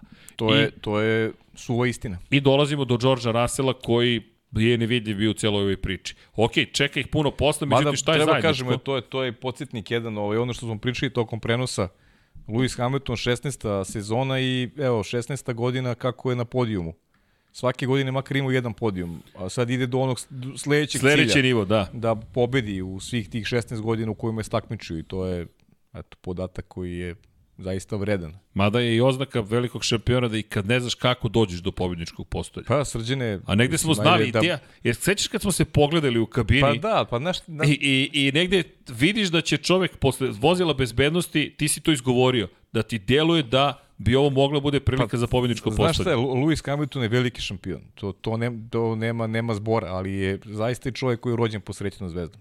Kad se analiziraju neke i neke trke iz prošlosti, ako postoji vozač koji je imao ovako mnogo sreće u određenim situacijama, svako je Lewis Hamilton. Evo i to je ova trka ovde gde, gde je ni kriv ni dužan došao do, došao do podijuma i izvukao, ne izvukao maksimum, nego jack, ali, jackpot ali, ali meni je to isto odlika š, velikih šampiona. Jednostavno, ne znaš kako, ali znaš da će on doći do pobjedničkog A postolja. ne, uvek računaš na njega, to, to, to ne možda ne računaš. Čak Ne i možeš da ga kada- otpišeš. A ne, ne, mislim, ko može njega da otpiše? To, Niko. A, samo, sa, samo, samo lud čovjek. Ali ovo će biti dobar izazov za njega. Ja mislim da će ovo njemu biti izazov da se dokazuje. Kakva je tamo bila situacija? Jesi uspeo nešto da pričaš sa, sa da pričaš? Znam da sa njim teško komunicirati nužno u smislu da je mnogo zatvoreniji od ostalih vozača, ali Hamilton kako ti izgledao u celoj ovoj priči? Pa prvo kažem, cijelog vikenda je isto vi videlo se da, da, da nije bio zadovoljan. Ipak on je profesionalac, pa ipak uh, odgovara i uh, na pitanje od žurnalista i nasmije se i šta ja znam. Ali videlo se na njemu da, je, da, je, da nije bio zadovoljan. Dosta je uh, vremena sjedio u garaži na, na jednoj stolici zato što, on, što boli nije bio, nije bio gotov, a trening je već počelo. I vidi se da je ipak bio, bio nezadovoljan. A na kraju, naravno, isto videlo se da je neko olakš- olakšenje bilo, da je ipak na, do, do, došlo na svoje treće mjesto koji niko ne bi, ni, pa, pa ni on to očekivao, naravno. Ja, pa dobro, to se videlo po osmehu. Zaista se videlo po osmehu. Ali Nije, dobro, nije ga krio, da. nego ljudi, prođe prva trka sezone, mi dobismo dvostruku pobedu Ferrarija, Mercedes se mučio, Red Bull oba bolida otkazala, Haas je treći u šampionatu konstruktora, neverovatno, ali istinito. Alfa Romeo je četvrta. dakle, to su sve neke fascinantne stvari. Znali smo da bi moglo da se desi. McLaren ne postoji. McLaren ne postoji. Williams ima Albona, kao što ima Rasela, sada ima Albona, ali je dalje istom mestu, na istom mestu gde je bio. A ista priča, znaš, Isto. Alex Albon se pasirao u Q2, ako se sećaš. Da. Znači, što, što je u tom trenutku, to, to je Russell radio prošle godine sa, sa bolidom koji, koji realno nije, nije dovoljno dobar, on je uspevao da izvuče maksimum. To je Albon uradio u svojoj prvoj trci. I zato, zato ga i hvalimo s punim pravom. E, više nego s punim pravom. Ma moram priznati sam da, da me raduje kada se neki vozač vrati i ostvari dobar Isto, rezultat. isto, I baš isto. mi je drago. Što se tiče Aston Martina, mnogo para za sada. Neko je rekao sad će, sad će Vettel da falsifikuje Da, pozitivan to je, test idu, za da, COVID. idu, ovaj, idu, idu, za kruži. Saudijsku Arabiju, da preskoči još jednu trku, Da odmori da čovjek, odmori šta će. malo čovjek pa da se vrati, a baš agonija, ali kako god, nadam se da će da se oporavi čovjek i da će biti u trci, treba ga videti. I to je pitanje, ajde pa šta sad za Sebastiana Fetela, ako je ovo naznaka stvari, a delo je da su svi Mer- Mercedesovi korisnici u problemima, da Aston Martin novo rešenje ipak nije to rešenje, oni već spremaju šasiju broj 2 za ovu sezonu, Pa srđane, to je opet pričamo, opet pričamo o toj zrelosti, znaš, pri- reakcije tima, znaš, ja ne vidim sada prostora tu za neku, za neku veliku uzbunu kad vidiš e, kako se ponaša fabrički tim Mercedes. Znaš, Vettel je već onako, neki, neki zenit njegove karijere, objektivno rečeno je prošao.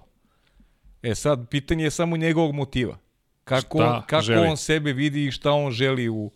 Da li možda se zadovo- zadovoljava time da povremeno osvaja poene? Jer, e, opet se vraćamo na na onu priču. Nema više alibi priče. Nema više e, ja se pripremam za 2022.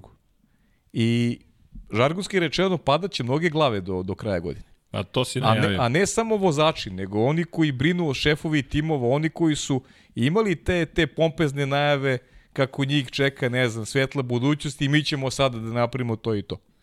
U toj koži nije samo Matija Binoto više. A Matija, Matija jedini je, izvukao. Matija Binoto je izašao iz tih cipela i Matija Binoto ima sada jednu lagodnu situaciju. Svi ostali, Sada. sada, naravno, ja opet kažem, maraton je ovo, ali srđene, pomak je napravljen. O, I to, kakav I to ozbiljan pomak. Dakle, Ferrari će biti tu. Da li će se a priori boriti za titulu, pokazat će vreme. Mi možemo da imamo mišljenje o tome, ali to je samo mišljenje naše, ništa više. Vidjet ćemo šta će doneti praksa. Ovi ostali, su izetkom Red Bulla, mislimo o timovi koji su preferirali velike uloge, u ozbiljnom su problemu. McLarenu, o, apsolutno McLaren najvećem. izgleda kao iz perioda kada su vozili Alonso McLaren i, Hondu. Alonso i, i, I, i Baton. Baton. I to je neko i prokomentarisao. E da, pozdrav za McLaren fans Srbija, poseban pozdrav, zaista, ni- nisam sarkastičan, ironičan, ciničan ili nešto slično, zapratio ih je zvanični nalog McLarena na društvenim mrežama i to je možda nekom delo kao sitnica, ali to nije mala stvar. Ne, ozbiljna baza navijača McLarena ovde Tako i, je. I, i pozdrav, pozdrav i Ferarijevcima, Pa ne, ja naravno. pozdravljam pogotovo ove racionalne koji su ono svesni cele priče, znaš, mislim, ima, ima ima, svega. i, ima i emotivnijih. Ima mnogo emotivnijih i ja kapiram sve, ali znaš, nekad malo ovaj, to Da, imali smo neke, onako, neke sliz, znaš, iz granice, granice lepih, lepog ukusa malo, znaš, prevazilazi, ali, ali, znaš, to, nije, nije lako kad imaš, kad imaš veliko očekivanje. E, upravo su za to, za, za, za to su i E, e, nešto se čuje. Jel kod Pa tebe možda zvučnik jači možda, Hasane? Kao da nam se vraća feedback negde, Da. da. lup. Da, da. kao da čujemo tebe, kao da čujemo sebe. E, tu, Rekao e, Max e, tu sređene, tu nose odgovornost u krajnjem slučaju i šefovi timova, znaš. Pa kako Ne. I ljudi koji su ekipama, kad ti tako nešto pompezno najavljuju i pričaju bajke i navijači u te bajke hoće da veruju. I onda dođe bolno prizemljenje. Znaš, ti očekuješ nešto će se dogodi veliko, a nemaš opipljivog materijala za tako nešto. Znaš, njihova reč mora da ima, E, da ima ali, težinu. Znaš, mora sada- da budeš odgovoran i prema, prema navijačkoj bazi, ne samo Naravno. prema zaposlenima, već Ali navijačkoj bazi. Bih pohvalio ekipu, zašto? Zato što su se potrudili da toliko su redovni, verni Ma ne, oni i posvećeni, da, Da, su eto zapravo ih zvanični nalog McLarena, lepi to osjećaj. Neko u McLarenu rekao, ej čekaj, ovi ljudi čine neku zajednicu i videli smo ih, vidimo vas, to je meni mnogo lepa stvar. Inače, ljudi, gde god da ste, McLaren fans, Bosna, Hrvatska, Crna Gora, Da, da. Makedonija, kako god, gde god da ste, Slovenija, Australija, Austrija, gde god da ste, eto vam jedan lep primjer kako se organizuje na nekom nivou. Inače, mnogo pitanja za Hungaroring, Mi ne samo ništa da organizujemo zvanično za Hungaroring, nismo turistička organizacija, po zakonu ne smemo ništa da organizujemo. To ne znači da nećemo možda se organizovati na sa nekom od organizacija koja to pravi, ali činjenica ćemo se potruditi da, da se spojimo što je više moguće, da, da, da podelite zajedno tu predivnu ljubav i strast za Formulu 1, MotoGP, Waterpolo, šta god, pratite pod kapicom, podkapicom.com, poslušajte šta je Pajo radio, čudesan čovek, zaista, za Waterpolo, to su predivne stvari. Kako? Slack. Vanja mi poručuje da nešto imam poruku neku. Kakva poruka? Da vidimo, Vanja, šta mi to poručuješ? Aha, Freedom on two wheels, 55, norveških kruna, Emir Dugić, welcome to svetioničar podič, uh, početnik, Freedom on two wheels, naravno, sloboda na dva točka, hvala, Petar Nujić, 10 evra, je čovjek, da ne zanima veše mišljenje kako je Ferrari odradio pit stop, čitao sam da su preko praznika odradili preko 1300 pokušaje vežbe. Uh, da, nisam odgovorio čoveku, da odgovorim, izvinjam se, Vanja, Vanja, moja savest je tu. Don Pablo, nije mi tu, nije nam tu, ali tu je Vanja. Ti si Don... Don Juan, to smo Don rekli. Vanja. Don Vanja, Don Juan. Roko, ne, Don Roko, ne, ti si Don Juan, tačno se sklopilo, vidiš, to, to ti sveti to tako. E, kako je odradio? Pa je rekao za pit stop Ferrarija. Odradili su ga savršeno, ljudi.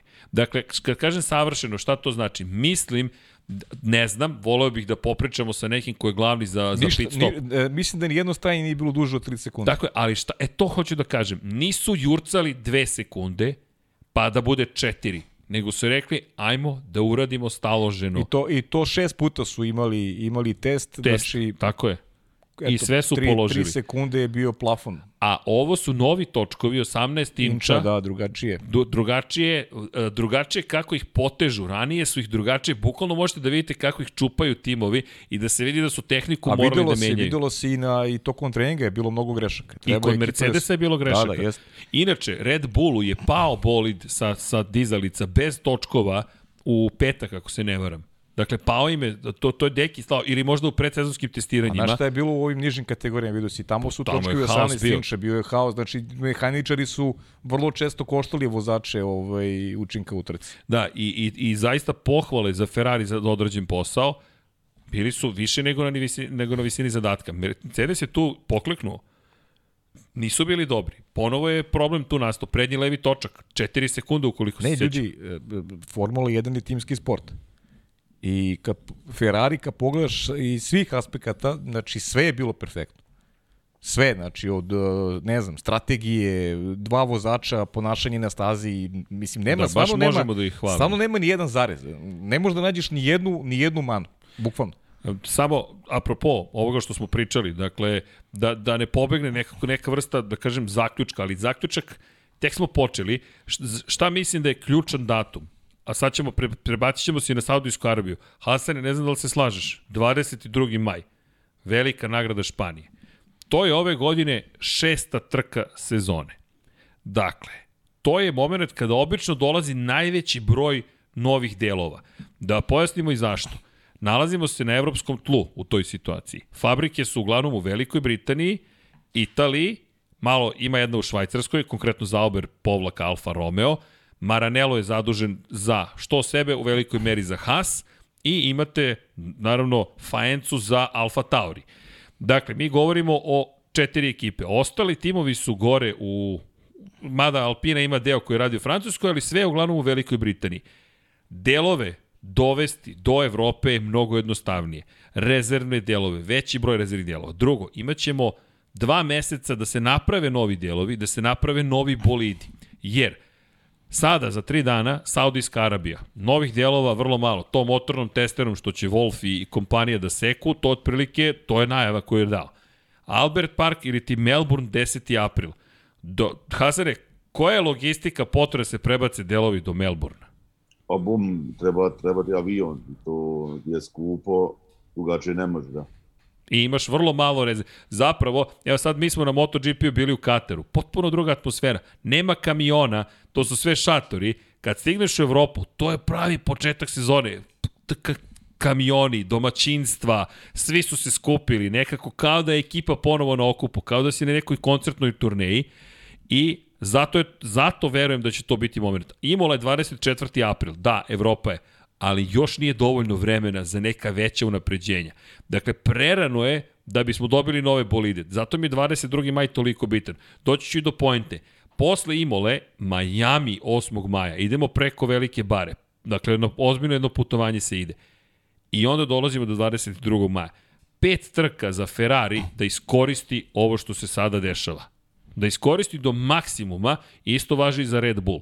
Jer verujem da Mercedes već sada je zaokružio crvenim 22. maj, da isto radio Aston Martin, da je isto radila svaka druga ekipa, McLaren takođe i rekla, ok, do tada radimo šta možemo s ovim bolidom, ali 22. maj V2 stiže Ima, ili ima, B verzija. apsolutno ima logike kada se vratimo i u prošlost i tada je Barcelona bila četvrta ili peta. Tako je, četvrta je bila. Četvrta trka Normalno u da je sezoni. četvrta, 8. 10. maj. Da. Jeste, To je da, to. Četvrta i onda tada su se dešavale najveće promene. I slaže se s tobom da Ferrari i Red Bull imaju ozbiljan vetar u leđa, a, a to je To je četvrtina sezone To je skoro. kvalitetno određen posao, to je vetar u leđa. Tako je. I odatle i ona radost Luisa Hamiltona jer je svestan da je da je smanjena šteta na, na najbolji mogući način ta, ta treća pozicija.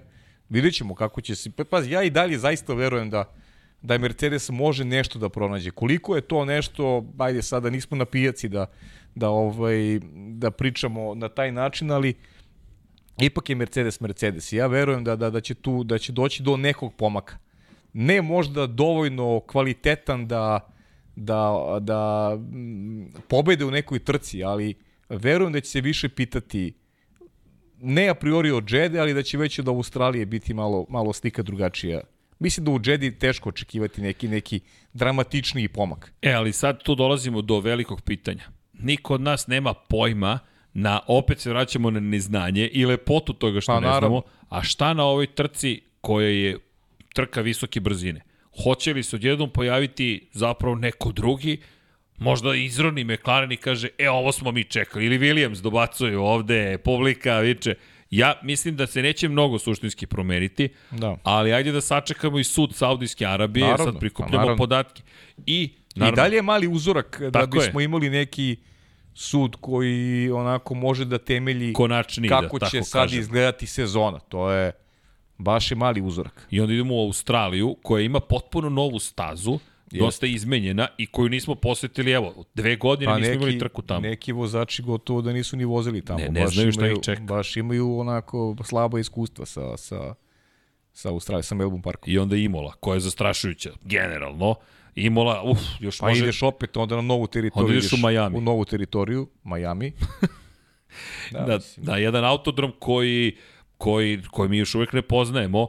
Inače, to će tek biti zanimljivo. Hard Rock Stadium, Miami Gardens, to će biti spektakl.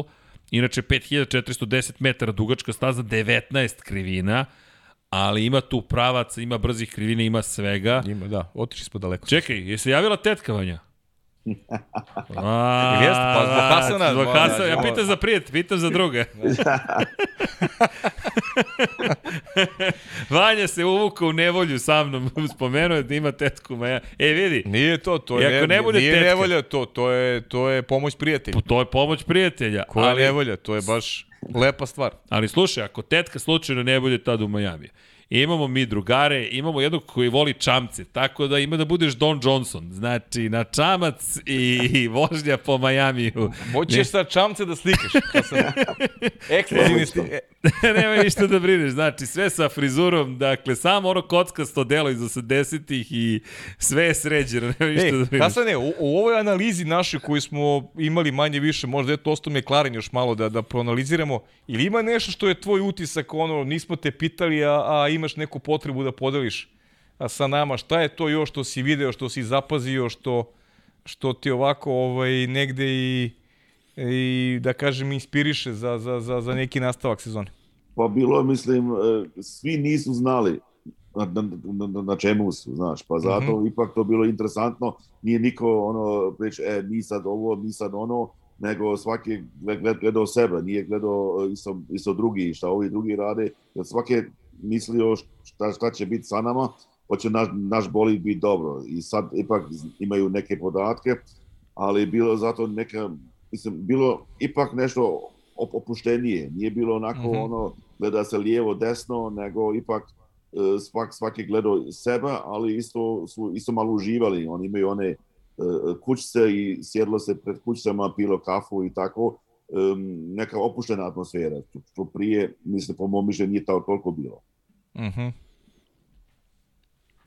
Dobro, to je Super, isto da. super informacija. Mm. Znaš, i, i, ali kako ti izgledala trka sada sa novim bolidima po noći? I sve zajedno, jer dosta su podeljene mišljenje, da li se dopadaju bolidi, da li se ne dopadaju novi bolidi, i to bi mogla da bude anketa. Mnogima se recimo ne dopadaju, eto viš, znaš. Da li vam se Da. dopada? Za, za, za, za fotografije je, je su boje uvijek, uvijek ljepše po noći. E, mislim, ako imaš e, po danu je svjetlo tvrdo, mislim, baš nije, nije, nije lijepo vidjeti e, na, na bolidima, ne zavisi na, na, na, koji ugao si, na kojoj krivini, pa možeš gledati i tječeš, a u vodi, pa po noći onda možeš gledati, razmazivati, možeš panovati, ipak, ipak im, imaš nako kreativnije, možeš po bolji posao napraviti nek, nek po danu. A naravno, bilo je, ne znam kad je bilo, mislim, u petak bilo 36 stepena, pa ipak malo bilo drugačije. Po noći je 25, to pa ipak lakše raditi. Da, evo, postavili smo pitanje, dakle, za, za, za, za da li se dopadaju ili ne, ali ovo je super informacija što ti kažeš kako je raditi, kako ih je fotografisati i ovo što kažeš, ali noć je drugačija, Pa, i, I mnogo lepa ona tvoja fotografija kako gore kočeni diskovi na, na vozilu bezbednosti. Hvala Da, za to. da. To je, ja zato volim noćne trke, pogotovo tu krivinu broj 1, obično to kraj tog startno ciljnog pravca, snažno kočenje i Ali tu to se baš dobro vidi. znam, na, na, na formuli, na, ni na jednom bolidu više. To nema. je šteta što su stavili da. poklopci. Da. Da. da, da, sad su standardizovani poklopci mot, uh, točkova. To mi je zaista žao, jer zamisli sada sa ovim bolidima, kako bi to izgledalo, sa ovim velikim točkovima. Belgama, ipak, ipak se bolje vidlo. To, to, kako bi to bila fotografija. Mislim da bi to, to ba, baš bilo dobro. A, a što se tiče bolida, ono što je meni fascinantno je ta raznovrsnost. Znači, to pitanje za Mercedes i dalje stoji, da li to njihovo rešenje, da li je to problem i da li će se vratiti nazad ka onome što su imali u Barceloni, jer ono, oni bolid iz Barcelone bio dosta klasičniji. Da. Slični ovo, ovima, drugima, da, naravno. Da, da, druga, zaista drugačije to sve izgleda. Ali što kaže Paja, mali uzorak, no, zabavljamo se lepo. A za Jedu, ja isto, ne, ne znam šta bih Pa najavio, nema, mislim, ljudi, znaš, ne, nemoguća nema, misija. Pa, znaš šta možemo da uradimo od kasnije, da čisto stazu malo, ono, Malo pro, prošetat ćemo stazom ako hoćete. Prošetamo stazom i to je to. Hoćete mislim, Hasan ti, da ti da malo časkate, a da... Pa mi ćemo da malo čas... džedicu da Hoćeš vidimo. sad odmah sad to da uradiš, A šta kažeš, Vanja? Ma sad ću, evo, ma odmah. Spremanje Da. Ferrari. U čast Ferrarija, Ferrari u Jedi. Može tako. Ferrari u Jedi, u čas Ferrarija, pa da. Šta si rekao, Hasane, kad ti ideš, kad ti je sledeće, ili, ili ti je Miami sledeće? A Imola je sledeće, da, bravo, da, rekao si. Ova dva ću pustiti, imam ovaj posla, imam nogometa, da uslikam i neke stvari koje nisam mogao odgovoriti, pa onda ću ići za, za, za Imol.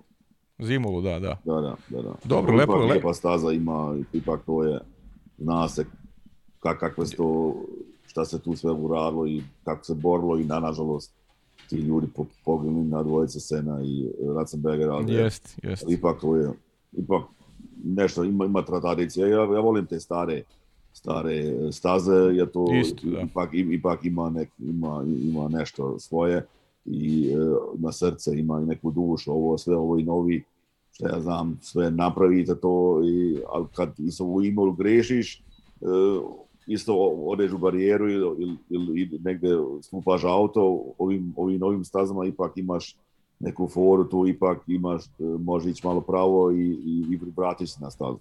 Da.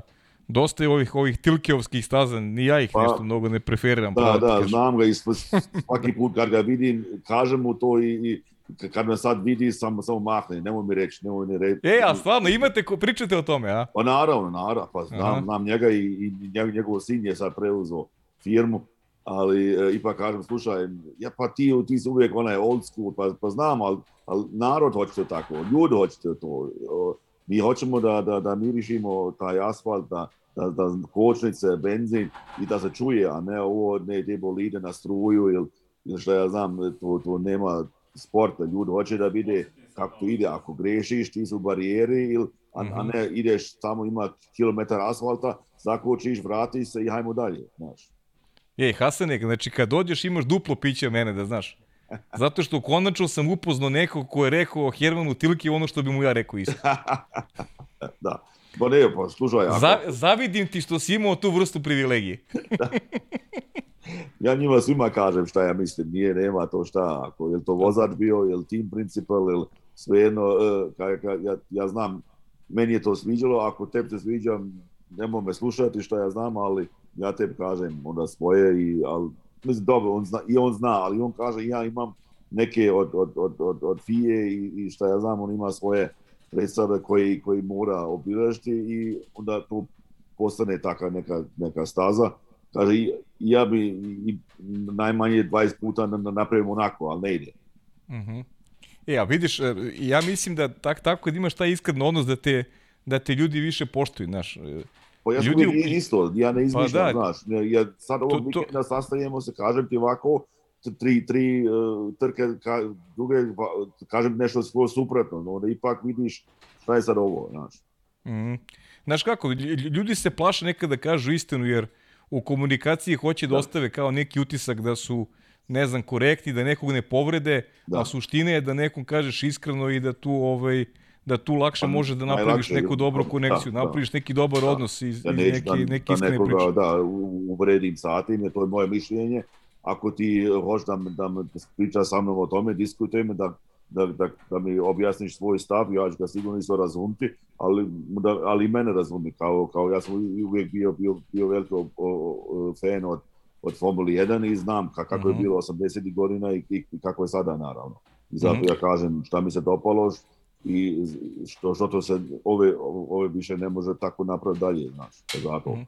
E, a Hasane, kaži mi, toliko si dugo u Formuli 1, ili, možeš za neke ljude koji su u, sad u sportu, znači u Formuli, da, da, da možete ih nazoveš prijatelji, mislim, napravio sa neki takav odnos da, da možda kažeš, e, on mi je prijatelj i, i imate taj, eto, neki, neki neki specifičan odnos koji, koji, koji negujete i izvan staze, čujete se redovno i tako dalje? Pa, i, mislim, naj, najviše znam, mislim, mehančare znam, znam, znam mm -hmm. dobro Joe, Joe Ledera, mm -hmm. fizioterapeut već bio od, od Sene, Mm -hmm. njega znam, nje, sa, za njim se uvijek dopisujem i naravno se sastajem, se popijemo kafu i tako, jer taj čovjek zna pričati zadnjih 40 godina što je, što je bio u, Formuli 1.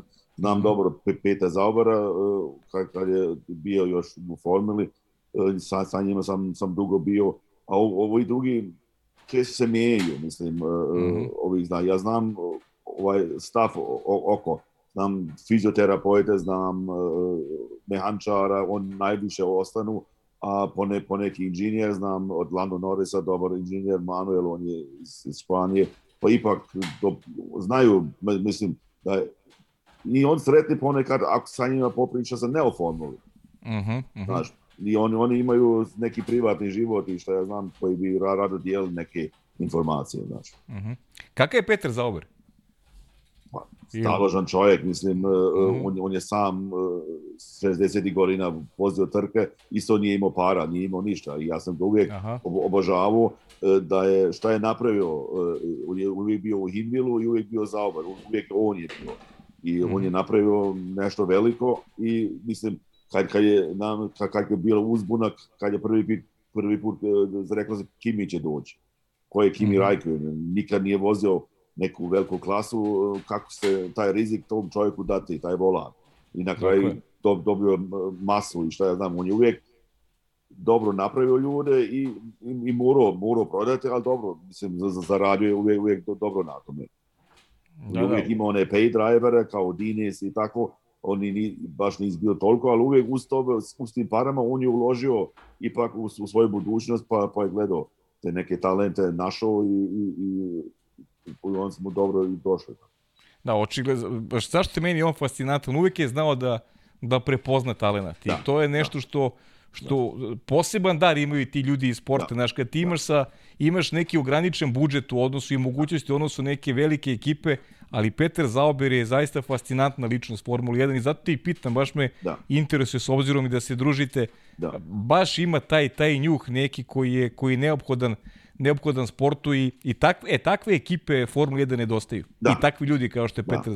Zato što je sve, sve danas dani u parama. Ti, ti ako imaš te treba 500-600 miliona, ti može se neki tim kupiti tako i, i, i, i može biti uh, prvak svijeta jednog dana, ali, ali treba iz malog budžeta kao što i Haas uh, i, i on nemaju to, to, tolike pare ili, ili Williams, oni uvek gledaju neke sponzore, ti vidiš na, na, na bolidima da, da, da nema puno sponzora zato što isto nemaju puno para. Ovi veliki mogu sebi izabrati koji hoće sponzora, ovi mali moraju da, da ipak da, da gledaju kome će i, i vidiš da, da sa tim malim budžetom naprave najveću mogućnost što imaju. Šta bi onda već uradili takvi čovjek e, da ima pare.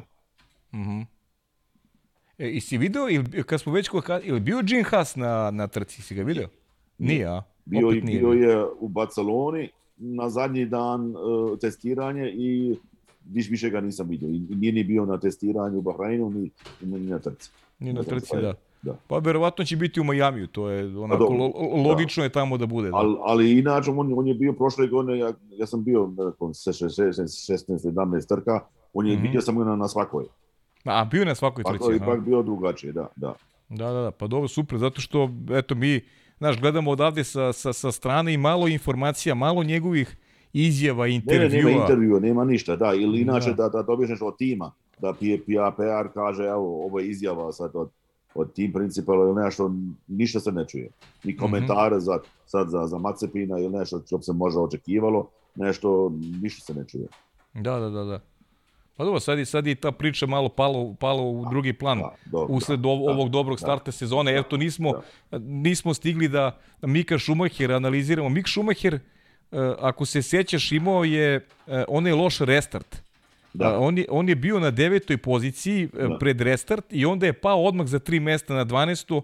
i da. nije se ni pomerio. Eto, čak mu nije pomoglo ni to odustajanje Maxa Verstappena i, da, da. i, Dobro, i, i čeka Perez. Honda okrenuo, mislim, to ipak nije mu bilo jest, uh, jest, to, to jest. pomagao pet neki peh. Ali, jest. ali ipak um, i, on, i on se mora malo pitati, iako je, mislim, 11. ili bio na, na. -huh. kvalifikacijama, da, da, da jedan, jedan Magnussen dolaze isto u njegov auto i, i ga ta, ta, i ga poništio, barem, da, kako, kako mogu reći. E, i, i, to, I to mora malo misliti što je to sad tako bilo. Da. Tako je, da, da, tako je. Mislim, e, pa, pravo ti kažem, podsjetio sam, ja sam, malo, ja sam i zaboravio na taj detaj da je on da je on ovaj okrenut na stazi, ali da. A, ali taj restart mu je dao priliku da se da se bori za poene. Da. E, e, ja mislim da je i on kao i Valtteri Bottas da je bio dobar tajming izlaska sigurnosnog vozila. Da jer ta zamena pneumatika je, e, Bottas je menjao gume možda i prvi, nakon da. što je izašlo sigurnosno vozilo da. i to mu je dalo dobru poziciju da se do kraja bori, bori za poene, da, ali eto, da, Mik, Mik to nije iskoristio. On, on, je na, on je odmah po, e, kod restarta izgubio jedno tri pozicije i, i da. ostoje bez prilike se bori za poene. Da. Štet? Da. Pa jes, ali mislim, on nije kao svoj otac. Ja, ja, ja uvijek kažem kolegama kad Tako pričam, je. on je... Uh, ipak e, sin njegov i mislim šta je on sve, sve radio za njega kad, kad, kad je bio mlađi na, na stazama i zajmio staze da, da on sam leti kao i štrol i, i to sve i, i na kraju mislim zato što toliko investiralo u njega um, nije, nije mi tako dobar. Mislim, on nema taj instinkt ko, ko svoj otac, to moje, moje mišljenje i nikad ne, neće biti tako, to, to je moje, mislim, još je mlad čovjek, ali vidi se na njemu i kako vozi, e, njegov otac bi kad vidi neku malu, da ima nek, neka mala rupca, on, mm. on će ići u to. A on mm. nije, on ipak malo gleda i mislim, možda razmišlja više o tome i to gubi vrijeme za to. To treba imati neki instinkt. Mm -hmm. On je e, ko, ko Ralf. Mislim, ko, ko Ralf, da. Okay, ali isto nije bio ono šest, šest puta pobjedio, a mislim tako, tako će on isto možda tu karijeru ko, ko on napraviti, ali neko svoj otac. Da, e, poslije pitaću ti još nešto, nego ajde, hoćemo, Vanja, hoćemo pogledamo kako izgleda ovaj, ova staza u Jedi. Da vidimo malo ovaj, kako to... A, u srđen je u Ferrariju. O, pa da, rekao je, rekao je, u čast. U čast Ferrarija. Ovaj, nešto sam teo te pitam još da. za, e, za Mika. Ovaj, Beo Sainz bi trebao popiše novi ugovor.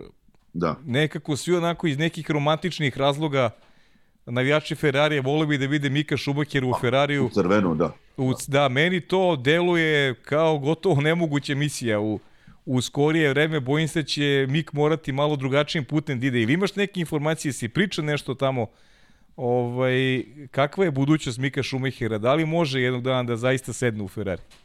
Pa dobro, ta, ta mogućnost mislim će uvijek možda biti, ali al momentalno on dobro ima u, ha, u Hasu ne može pokazati tako to svoje znanje, šta, ali, ali uvijek se misli, a ima, ima loš bolid, ali eto, sad do, došao Magnusson, pa ipak može se vidjeti da sa, i sa tim lošim bolidom se može nešto ne, nešto postići i za, zato možda ipak nije uvijek 100% na, sve, sve na autu i zato mislim mnogi isto se misle da, da, da, da, da neće ići, ići za Ferrari. Ja, ako je onaj Ferrari junior i, i, i šta ja znam, e, naravno da u Njemačkoj isto se, se bi volilo da ako bi sjedio u Mercedesu, naravno, ali ja da. mislim da momentalno kako on je, dobro, još je malo mlad, ali da po mom mišljenju neće isto to postići tako, tako lako. Jer da, uvijek će doći neko drugi, neki talent od jednom iz ništa, a evo ga i, i, i, i zna. To, to se rodi nekako, znaš. Da, ima, ima talenta. Pričamo malo kasnije kad Srđan da. završi vožnju i Formula 2 i Formula 3 je bila ovaj vrlo vrlo interesantan, da. zanimljiv početak sezone, ima tu momaka koji su krenuli pažnju na sebi, ima Novajlija u Formuli 3, Da. Tako da, Kada za budućnost... neko doći, ipak neki koji eto, šta za nam, u, u jednom u 10 godina to se tako rodi i, Jest. i onda imaš, imaš problem da, da, da, da prođeš tako u nekoga. Eto, Oskar Pjastri koji čeka šansu da. šampion da. i dvojke i trojke, evo Teo Puršer. Da. 18 godina, Francuz, da. pobeda da. u Formuli 2, od njega se to Hauger, očekuje ozbiljan projekat. Da. Tako je, da. Francuzi su bili generalno fantastični tokom da. celo vikenda. Da. U, u nižim kategorijama dobre stvari isto. Odlične da, stvari, da. da. Ovaj Hadjar Mali koji je pobedio debitanskoj trci u Formuli 3, Martans, Martins koji je pobedio takođe u trci Formule 3, dakle dva Francuza pobedniće u Formuli 3, Puršer pobedio u glavnoj trci Formule 2. Da, da. Zaista su fenomenalni. Da, A da ne pričamo o Artur, a Artur Leclerc, Da, to je drugi. posebna priča da. kako da, je vozio onu da. drugu, glavnu trku, da. startovao kao 13. na kraju je bio da. drugi. Pa, sen, senzacija, bio je bio i, i, i Charles onda u Parfumeu, pa, pa mu čestito, naravno da je, da je, da je i njemu to drago biti. Kako Jeste. Ide, da. A pazi, ako se sjećaš, eh, Hasan i prvu trku, onu sprint trku, da. uh, Artur je krenuo kao, kao, čet, kao 13. a završio je četvrt, ne, da, peti da, je završio, ama, izvini. Da, da, da, još bio pa mama na, na, na, na podiju, da, da. Da, da fenomenalan je bio, da. Sva, zaista, braća Leclerc mogu da budu da. ne ponosni, nego da, da, ne, ne. fenomenalan posao da, su odradili da, da, obojice. Dobro, dobro rade, da, da. Zato kažem, biće u gornu, u gornu, uvijek teže ići na, na, za jedan dobar boli, zato što, što svi hoće tamo da idu. Jeste, jeste. Ovo je pogrešan put. Srđane. Pogrešan, ovo izabor je pogre, otišao u pogrešnu stranu. Da, da, ovo je sad. Srđane, kaže ti Hasan da je pogrešan put, pogrešan smer. Dobro, nije toliko loše bilo. Dobro, eto, malo su... Malo dok ste se uhodali. Ali čudno ste se vi lepo ispričali. Jesmo, ispričali smo se baš lepo, da. Hasan mora dođi u studiju. Pa dobro, Hasan Dolka bude došao ovde. Hasan to je... dolazi već godinu dana, šalim se. da. Ali dobro. I tako. Eto, ljudi su, eto, mogli su da vide stazu. Malo smo zagrebali Formulu 3, Formulu 2, da znaš ovo. Ovaj. Da, čuo sam, čuo sam. Da, malo smo i o tome popričali. Dobro, to je sasvim normalno. Pa jeste, ono, zaslužuju ti momci, bilo je baš zabavno pratiti ih ovog vikenda. Sad, sad u Jedi samo Formula 2, Formula 3 spava do, do Imole. Jeste. A uskoro očekujemo i Porsche Super Cup i naravno dame. Dame mislim da počinju u maju tek. W, da, da. Da. Da. One u maju kreću. Inače, postoji sam novi lični rekord ovde. Vidio sam da si imao najbrži krug trke. Teo sam da ti je pludiram, ali, ali sam bio Ček, u priči, izvini. Ali kako ti standardi skoče? Prošle godine to bilo nešto, bili smo oduševljeni, ludilo sad, e, slabo je to. Ali 205.000 ti sam valjda na planeti Zemlji. Ili, ta, ili 20.000 ti, kako god. Sve jedno, dobar si. Mo ne viđen sam. Da. Budućnost je Vre, Vreme radi za tebe. Ali dobro, pazi, ove godine smo aktivniji i bit ćemo aktivniji, to smo već isplanirali. Ali da. Hasane, kada ćeš ti da voziš sa nama? Šta smo rekli? Pa, pa dobro, moram... Pa, pa, pa. Pusti me Sonija, nemoj. Sam je što nedostaje u celoj priči. Hasan iz moje priče. Hasan i ti ja ćemo u biblioteku, a, a oni će da igraju. Čekam tu vašu Da, Kaže, da, da. Srki, imaš pet mesta pomeranja za sledeću trku zbog ovih izletanja sa staze. Javili mi iz direkcije Kosta Berić. Čovjek donirao i hiljadu dinara. Hvala, Kosta. Zbog, Hvala. zbog vožnje u kontrasmeru. Da. Inače ne, za Branislav Dević kaže ima F2 u Jedi. Da, da, u Jedi je Formula ne, ne, 2. F, F2, F3 da, nema, nema, F3 nema, F3 nema, da. Da, evo Alter Ego, šta sam stigao sa posla, šta sam propustio? Ništa. Stavite za glasanje ko će biti šampion ove godine. Pa kako, ko će, da biti, ko će biti šampion? Da li nam se dopadaju novi bolidi? 79% da, 12 ne, ravnodušni 9. 578 glasova. Ok, Super. Pavle, ti si 1148 na fantaziju. Ja Jel sam tako, a? 2000... E, neko je rekao da imam dva tima. Nisam, nemam dve prijave. Jedino ako se neko prijavio na moje ime. Ljudi, ja...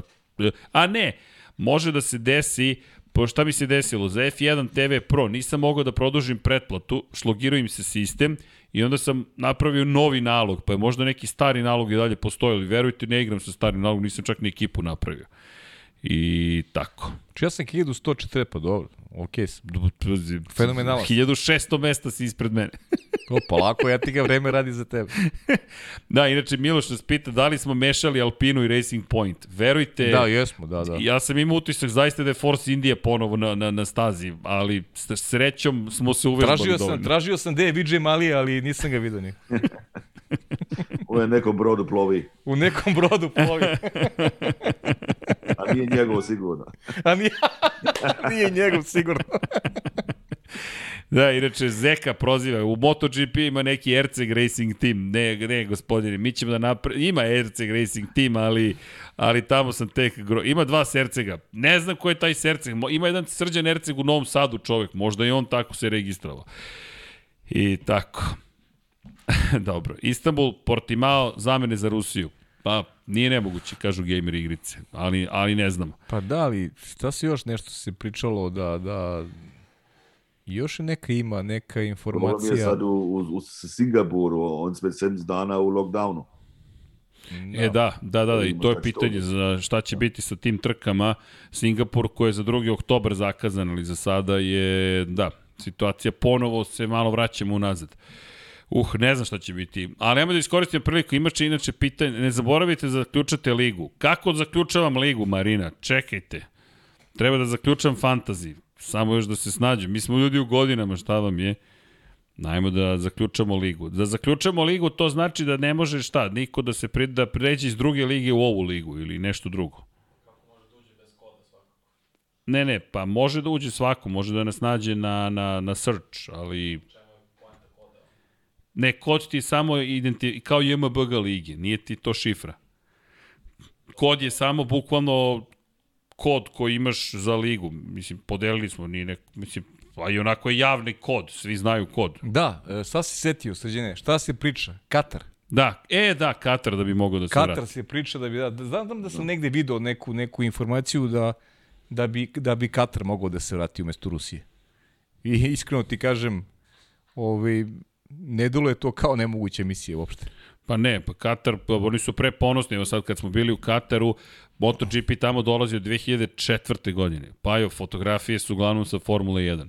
Pre ponosni su na to Da. što je došla Formula 1 i u, samo, u samoj Dohi ljudi ni ne znaju da je MotoGP u toku, a pričaju, pitaju me jesi bio na Formuli 1. I, i Formula 1 e, govori par stvari i koliko je renome Formula 1 velik i s druge strane koliko su se potrudili oko promocije Formule 1. A zaista su se potrudili. Tako da, eto, Katar, da. Da. inače Katar od sledeće godine će svakako biti vožen, ali se pretpostavlja da će biti vožen ulična trka kroz Dohu da bi se ali promovisao izgleda grad. da im, imaju problema da, da će još biti, kao i Saudi Arabija, bit će još 3-4 godine valjda na toj stazi. Pa, pa Traje meni deluje da je hrabra, po- jer vidi, trenutno je Doha jedno veliko gradilište. Da. Gradi se, sad se grade bukvalno za svetsko prvenstvo, što stadioni, što Da. da. mesta gde će dolaziti publika, turisti. Lusail je mesto pored Dohe, ali Lusail ne postoji zapravo. Da, oni su rekli da ove godine neće biti upravo zbog, zbog termina koji je onako bio u vreme svetskog prvenstva. Naravno, naredne godine idemo u Katar, ali eto, postoji mogućnost opet je otvorena da, da oni preuzmu ipak domaćinstvo ove godine. Pa vidjet ćemo, eto. Postoji, postoji opcija svakako. Da, hoćemo da se bacimo na pitanje odgovore. Hoćemo, tiče Saudijske Arabije, eto, druga nema točka šta, sezone eto. pred nama. Da. Ne, ne bih najavljivo nešto previše. Ljudi, tre- trenutno tek učimo ono što možemo kažemo, videli ste do nekle stazu, bit će izmenjena. 6174 metre dugačka, staza koja je zahtevna po broju krivina, ali videli ste, nije toliko ona zahtevna za vozače, oni su, to, su tu stazu i zapamtili relativno brzo. Ono što je pitanje jeste bezbednost, kakva će biti, moraju da naprede bezbednost i da li ćemo opet imati situacije kao prošle godine, ali ljudi, to je bio vrhunac jednog duela između Luisa Hamiltona i Maxa Verstappena i To ne, ne znam da li možemo da ponovimo tako trku. Ono što će biti važno za Saudijsku Arabiju je da bude mnogo bolje organizovane nego prošle sezone. Prošle godine je baš bilo problema u organizaciji i dolazili su zapravo iz drugih država da im pomognu u organizaciji, pa eto, nadam se da jedna godina više će biti, 50 krugova će biti trka, tako da je to samo možemo kažemo druga trka nove ere, jedva čekamo. I termini su malo drugačiji, samo da to ne zaboravimo, da, da podsjetimo, trka je, dakle, u petak krećemo u 3 popodne po centralnom evropskom vremenu, pa u 6 je trening 2, u 3 u subotu trening broj 3, kvalifikacije je takođe u 6 i od 7 uveče u nedelju je trka. Super, lep, lepi termin. Lepi su termini i samo važno da znate drugi, te, drugi trening kritičan, jer se u tom periodu voze kvalifikacije i malo posle toga trka. Ista priča kao, kao i Kao i, Bahrein. tako je. Hoćemo krenemo, ajde ja Ajmo, prvu pitanja. poruku koju sam dobio. Da. Veliki pozdrav za, za Milana Gajića, futbolera Crvene zvezde koji nas redovno prati i evo on ima neko zapažanje, kaže pozdrav za celu ekipu, kaže pohvale za Ferrari ili pre svega ostavili mu najjači utisak, e, nevratan rad mehaničara i brzina priliko promene pneumatika. Tu su uspeli u prvom navratu da budu brži od Red Bulla za gotovo jednu sekundu što omogućilo Leclerc drži prednost u odnosu na Maxa. Očekujem jako odgovor u Jedi, njihov duel. I ako može komentar šta se dešava sa koristima Mercedesa, gde vidite da oni mogu da traže svoju šansu, kako mogu do napretka. Veliki pozdrav, momci, konačno ste se vi vratili u pravom smislu, uživanje provoditi veče uz vas. Hvala puno Milane Hvala. i tebi sve najbolje na sportskom terenu, pa se čujemo ponovo.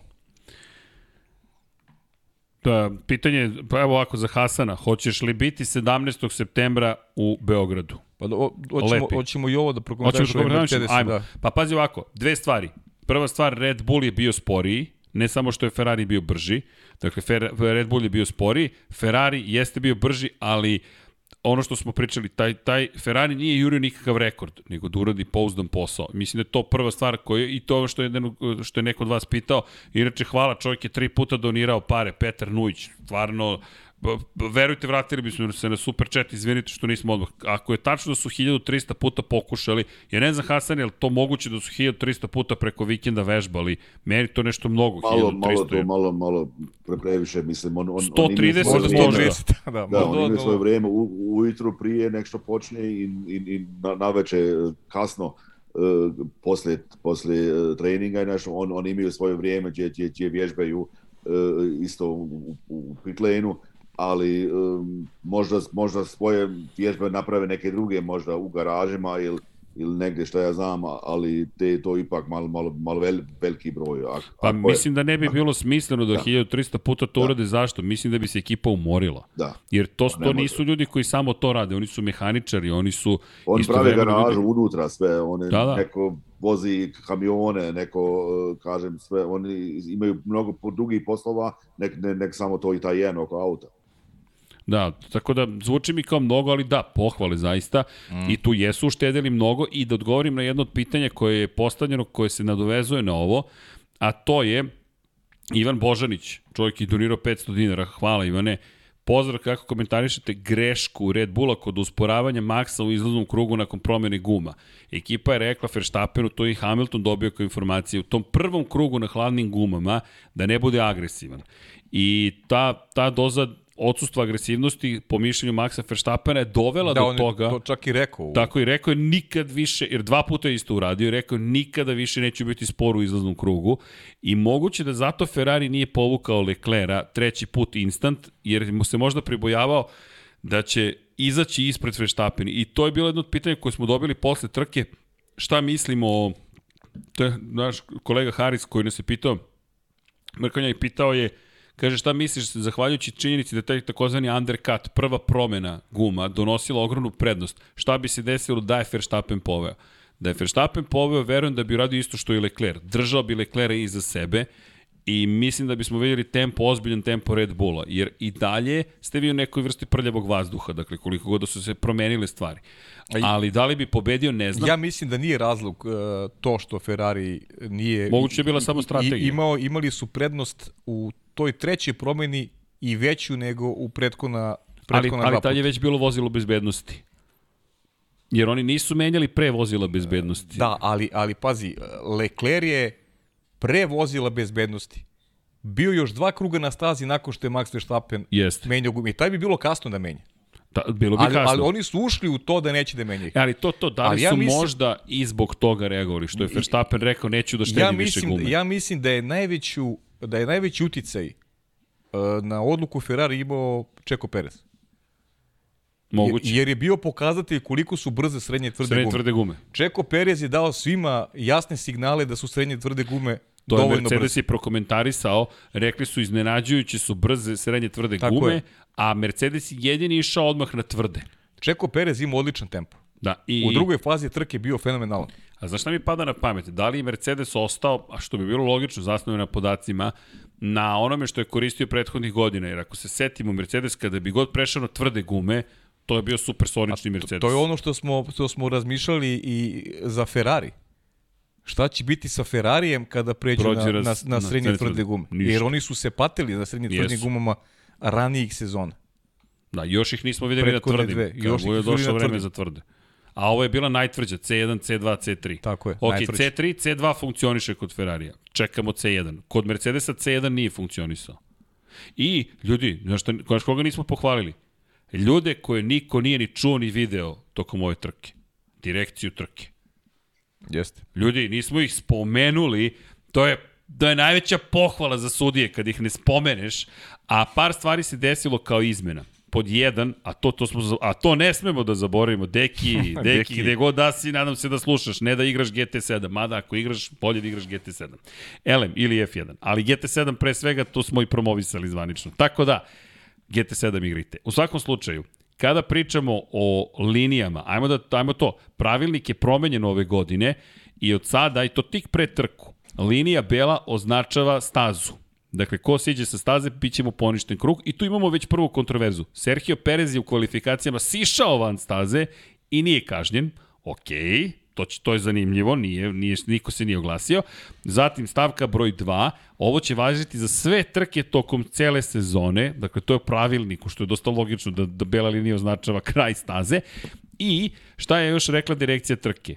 Od sada, ako pretekneš van pravila, ili misliš da si van pravila, na tebi kao vozaču, to je tvoje ekipi je da odlučite da li ćete vratiti poziciju ili ne. Vozač ima jedan krug da vrati poziciju. Ukoliko to ne učini u jednom krugu, onda će sudije da pogledaju da li ima potencijala za kaznu. Ali odluka neće biti na direktoru trke da te pozove i kaže vrati poziciju. Ne, ne, ne, ne, ne. Ti biraš svoju sudbinu, a onda će se sudije oglasiti. I još par dve stvari, preticanje je i preciznije definisano. Ako si s unutrašnje strane krivine, ne možeš kao što su radili i Verstappen i Hamilton i svi da pustiš volan blago da ide ka spolja pa da izguraš vozača. Ne, dužan si da ostaviš jednu širinu bolida vozaču sa spoljne strane, to je sada po pravilu, a sa spoljne ako pretičeš, to je sad još uvek siva zona. Ukoliko je dovoljnom dužinom bolid koji pretiče uz bolid koji je pretican, ovaj sa unutrašnje strane mora takođe da ostavi dovoljno prostora sa spoljne strane. Tako da je i to nekako dodatno definisano i još jedna bitna napomena, pravilnik je promenjen da više nema teksta u kojem kaže any car, bilo koji automobil može da se vrati u krug sa vodećim, već piše svaki bolid mora da se vrati u krug sa vodećim pre nego što puste trku ukoliko je vozilo bezbednosti na stazi. I nismo ih spomenuli, to ja mislim da je najća pohvala.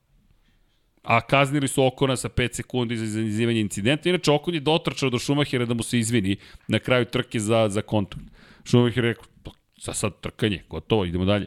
Pa dobro, znaš, početak sezone i još, još ovaj nema, nema pritisaka nikakvih. Da, još nema kontroverzije. Pa da, nema. još nije krenuo. Ovo, I ovo izašao sam je... sliku da vam sam pokažem. Šta kažeš? Da, da. Ako vam može, ovo ti je...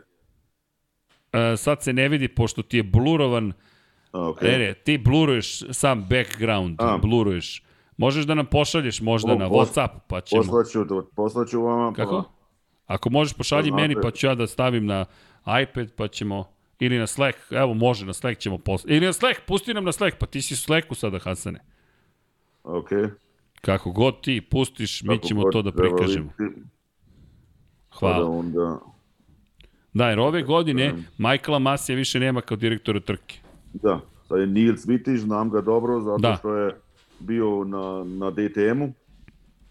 I, e, pa kažem, vi- vidio sam ga dva, tri puta, čovjek bio na, naravno, prva utrka, ipak mu ja bio nervozan malo. napet, ali ipak e, mislim da je, da je, da je uradio dobar posao i da je na početka već bio jasno i glasno koji, koji, koji pravac e, ide, znaš, pa za, i, E, mislim da je Ali to- ljudi, zar nisu oni dobili, sad se pokušavam se sjetim, e, nekog supervizora Virtualna kontrolna soba Da, i imaš da. ovog Ovo što- Herbija Blaša. što je radio, Jest. tako što je radio sa Charlie Whitingom, Jest, pokojnim, da, da, dobili Jeste. su. Samo da se javimo. Milice, Ivane, Ćao, ćao. Mada Ivan prešao u bele boje, to, to nešto najavljuješ, Alfa Tauri pobeđe. Inače, Alfa Tauri koji je potpisao ugovor da će snabdevati celu Formulu 1 zvaničnim opremom. Nije loš ugovor.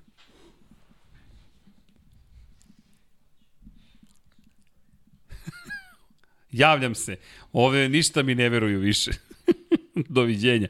Inače, a, š- koga sad ovde gledamo? Sa leve strane, Da, to Gospodin je Bernd Mailander. Mailander, safety car, što vozi safety car već, već god- godinama, a desno je Nils Wittig, on je e, taj novi, jedan od... od on je bio od, ovo, za ovu trku je bio. Eduardo trku, da. Freitas će biti za neku od sledećih. Da, Da. da. da.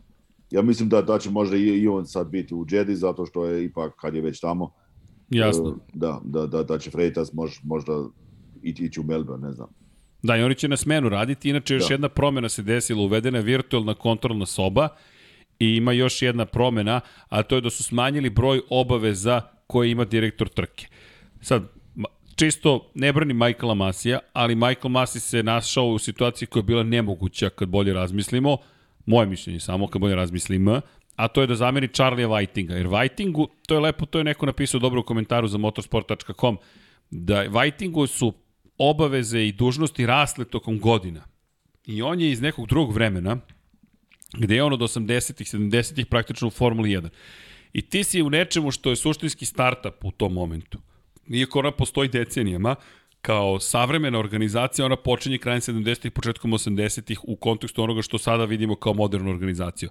Charlie Whiting je tu bio i kao neko ko je pionir zajedno sa Bernim Ecclestonom, Maxom Mosleyem, ostatkom ekipe, on je uzimao nove dužnosti, nove dužnosti, nove dužnosti i učestvovao je u povećanju bezbednosti, nažalost, posle tragične pogribe Artuna Sene pogotovo. I oni su toliko stvari obavljali da su oni anomalije u suštini. Njih nije moguće tek tako zameniti. Uživali su ozbiljnu reputaciju, poznavali su sve ljude, decenijama su bili tu. Charlie je preminuo preko noći u Australiji, bukvalno, i evo, nedavno smo obeležili godišnicu njegove smrti. Michael Masi je tu kao klinac de facto u odnosu na iskustvo Charlie Whitinga upao, osedeo je za ove tri godine ozbiljno Michael Masi, ali je pokušao da bude novi Charlie Whiting. I komisija koja je izbacila ovaj izveštaj, složio bih se sa zaključ, zaključcima, nije on mogao to da nije to mogao da izvede. To ga ne opravdava za poteze koje je povukao, ali se našao u jednoj vrlo teškoj situaciji. Slušam tebe, kažeš da, i, da je i, i za novog direktora trke ovo stresna situacija. Sad samo zamislimo Masija kad te zovu i Wolf, i Horner, i ostali, i ti njima daješ instrukcije i to radiš i njegove pogrešne poteze. On četka stazu u Jedi prošle godine i Da, slično. mislim, na, najmanje problem to što je četko stazu. Ne, što je vreme Ne, posvećivao ja sitnicama. Nemam baš previše ovaj, razumevanja, moram ti Za priznati. Masija. Pa da, nemam razumevanja. Imaš, ti kad, ti kad preuzimaš neki posao, moraš da budeš svestan sa, sa čime možeš i, i, i, i sa čime će se suočiš. Znaš, Formula 1 je jedno ozbiljno takmičenje i nije prosto bio dorastao situaciji, to je to. Znaš. Ne, neke su stvari baš izgledale amaterski. I nije to samo posljednji krug, posljednje trke u sezoni, već pričali smo o tome tokom čitave godine. Mnogo tih e, ovaj, nerezonskih stvari stvari koje se kose sa pravilima e, je Michael Masi ovaj, Michael Masi učinio da, da, da Formula 1 ne izgleda onako kako treba. Mislim na, na, na pravilnik. Ali dobro, to su sad davno prošla vremena, nadamo se da će ova, ova nova ekipa to ovaj, drugačije. Mislim da, da je i supervizor dobra stvar, znači neko ko Ko im pomaže ima, da budu pomaže, bolji. ko ima iskustva iz tog perioda rada sa Charlie Whitingom i lično meni se dopada promena jer eh, ako nije dozvoljeno po znacima navoda uh, vozačima da greše i, i dobijaju i otkaze posle, ne znam, 12 trka ako nisu dobri, pa onda i sudija trke mora da bude e, spreman da e, bude zamenjen ukoliko posao ne radi kako treba. A Michael Masi definitivno učinio da jedna super sezona e, kada su pitanju tumačenja, tumačenja pravila ne izgleda svima kristalno jasna. Eto. Dobro, ali eto, pohvale što se nisu previše mešali u utrku. Jeste da je bila prilično čista, ali opet nisu se često ni oglašavali, to jest nije bilo ni potrebe Pa da... nije bilo potrebe, realno, da. Da, da, da, da neko učestvuju u svemu ovome. A jesi vidio tu novu virtualnu kontrolnu sobu, Hasane? To smo samo čuli da je uvedeno. Da, ne, ne, nije, nije, nije nikak pustili ta unutra niko. Ne. Mhm, dobro, znači još nema pristupa. Dobro. To, to da, ma- da, da se malo uhoda, pa onda sigurno će biti neku, neka prilika. Dobro, malo da se pro, da se prezentuje šta se da. tu zbiva i kako se to događa. Dobro. Računamo na tebe.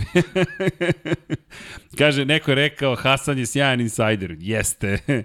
A zamislite šta ne sme da nam ispriča Hasan.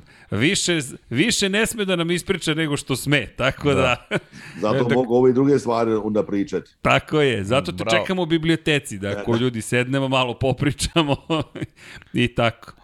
Tu se Volim da najviše uči. Milanu samo da da do, da dopunimo, ovaj pričali smo, verujem si slušao Mercedesu, tako da sada ne pričamo istu priču vezano za percepciju napretka i tako dalje. Verujem da si pratio, pa da ne uzimamo vreme sada nekim nekim drugim ovaj gledaocima vezano za za pitanje. Ne bih se vraćao na tu temu. Da, dalje, imam ja Idemo još dalje. pitanja. Ima, samo da evo, Bojan Gitarić, čovjek Ajde. donirao 500 dinara, kaže pozdrav, hvala, pre svega pozdrav za ekipu, rekao sam pre nedelje da se nadam da će timovi biti bliži nego ranije i ispolo je još zanimljivije samo da se ovako nastavi da se McLaren oporavi. Držimo palčeve. Pa, slažemo se. Bilo bi, bilo bi zaista lepo. Da, Dejan Janić pozdravlja za Srke i mehaničare. Kaže, da li dalje misliš da će Hamilton osvojiti titulu? Pita mene, da, mislim i dalje da će Hamilton osvojiti titulu. Eto, eto direktan odgovor. Da. Ja, ne znam, ne znam ni šta bih mislio više. Uzeste mi Hasane, ti deki Ferarijevce prošli put. Još sam došao u crvenoj majici kao najava sezone, ali dobro. Nema veze.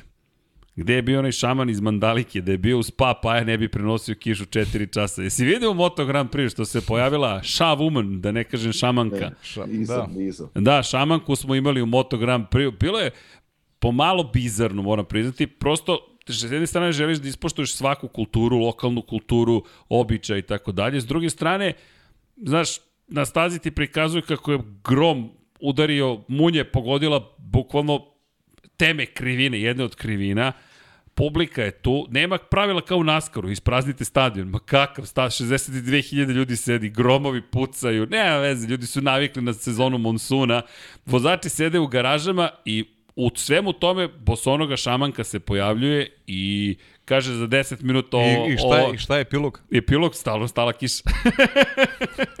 stala hoćeš? kiša. Šta Tako da, Pa da nije bilo šamanke, ti bi i dalje sedao u kabini i čekao bi da počne trka. Ne, ne, ne, ti bi došao da nam pomogneš. Prizivali smo te Đankić i ja i rekli smo da je ekspert za kišu, za lud provod po kiši. Da, pa inače moram da pohvalim, pa ovo mi je malo iza kulisa, Formula 3 je već počela, rekao, ok, ajde da ne ulazim, sad da prekidam potpuno suludo, č- trka je u toku, dođem za Formulu 2, hrabro, posle, a pritom od 5 ujutro smo radili prenose i još se produžio prenos Moto Grand Prix-a i dolazim i sedim ovako za Formulu 2, mislim da sam pet rečenica pro, progovorio ovako. I ne znam ni šta se zbio ispred mene Paja. U redu je. Šibri š- U redu je. Samo me je odjavio i rekao, ajde beži odavde. Tako da hvala ti za to, pa sam Pa, mogu da dobro, odspavam jedno da se dopunjamo, šta da radimo. Ne, ali ne, u tom trutku mozak je prestao, jer i to nije kukanje, samo prvi dan u petak u 6.00 počinju Pa prenosi. gde dešava se? Šta Do ti- 7 uveče, pa onda sutra od 5.30 do 7 uveče, pa prek sutra od e, 5 ujutru do Kako, 7 je? uveče. um, umor stigo plave. Humor stigao i ovako se, ali ne, u tom trenutku da više ne znam ni šta prenosim i znam da sam prvi krug od sanja otprilike i nešto pokušam pametno da kažem u drugom i pa me gleda i kaže, u redu je, slobodan si. Da, da. I tako. Kosta Berić, doniraću, čekaj, screenshot, doniraću 300 evra na poslednjoj trci ako Hamilton ne osvoji titulu i ne ode u penziju. Kosta, pazite šta kaže, šta pričate, ali Evo ovako, umesto donacije, kupite Seninu knjigu. Da, ja sam ono što dobio da promoviše non stop knjige, nemam autora, ali stvarno se ponekad osjećam kao da sam na štandu ljudi. E, ali ove godine ja se nadam da ćemo na sajmu knjiga biti prisutni kao izdavač. A spremamo vam još neka iznenađenja, tako da posetite shop.infinitylighthouse.com. Inače imamo i novu majicu koja se zove Svemirski teleskop, pa ko voli, Nek izvoli, da. Tako je. O, to mogu da vam pokažem kako lepo izgleda. Baš smo ponosni. Evo, koleginica mi ovde nešto dobacuju iz prodavnice. Šta sam sad uradio? Nisam ništa najavio ni prodao u napred. Bio sam potpuno normalan ovoga A nisi puta. ni poklonio ništa. E, aha, a, majica. Evo, upravo sad ubacujem. Ma, čekajte, koleginice, o, ovde se promocija radi. Zašto je to bitno? Pa nama to znači, s obzirom na činjenicu da tako prihodujemo, pa onda možemo razne stvari lepe da radimo i tako dalje i tako dalje. No, da se vratimo mi na pitanja.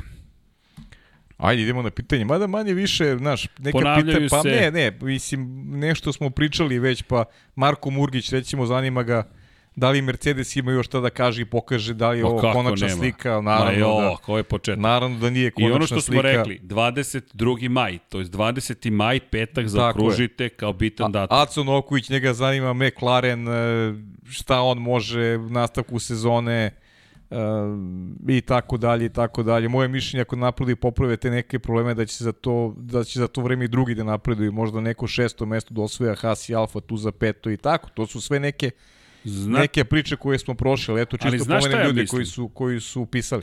Moje mišljenje, apropo, mislim da moraju da sačekaju, ako ne do Majamija, da moraju svakako da sačekaju zaključno sa Imolom, da procene sledeću stvar.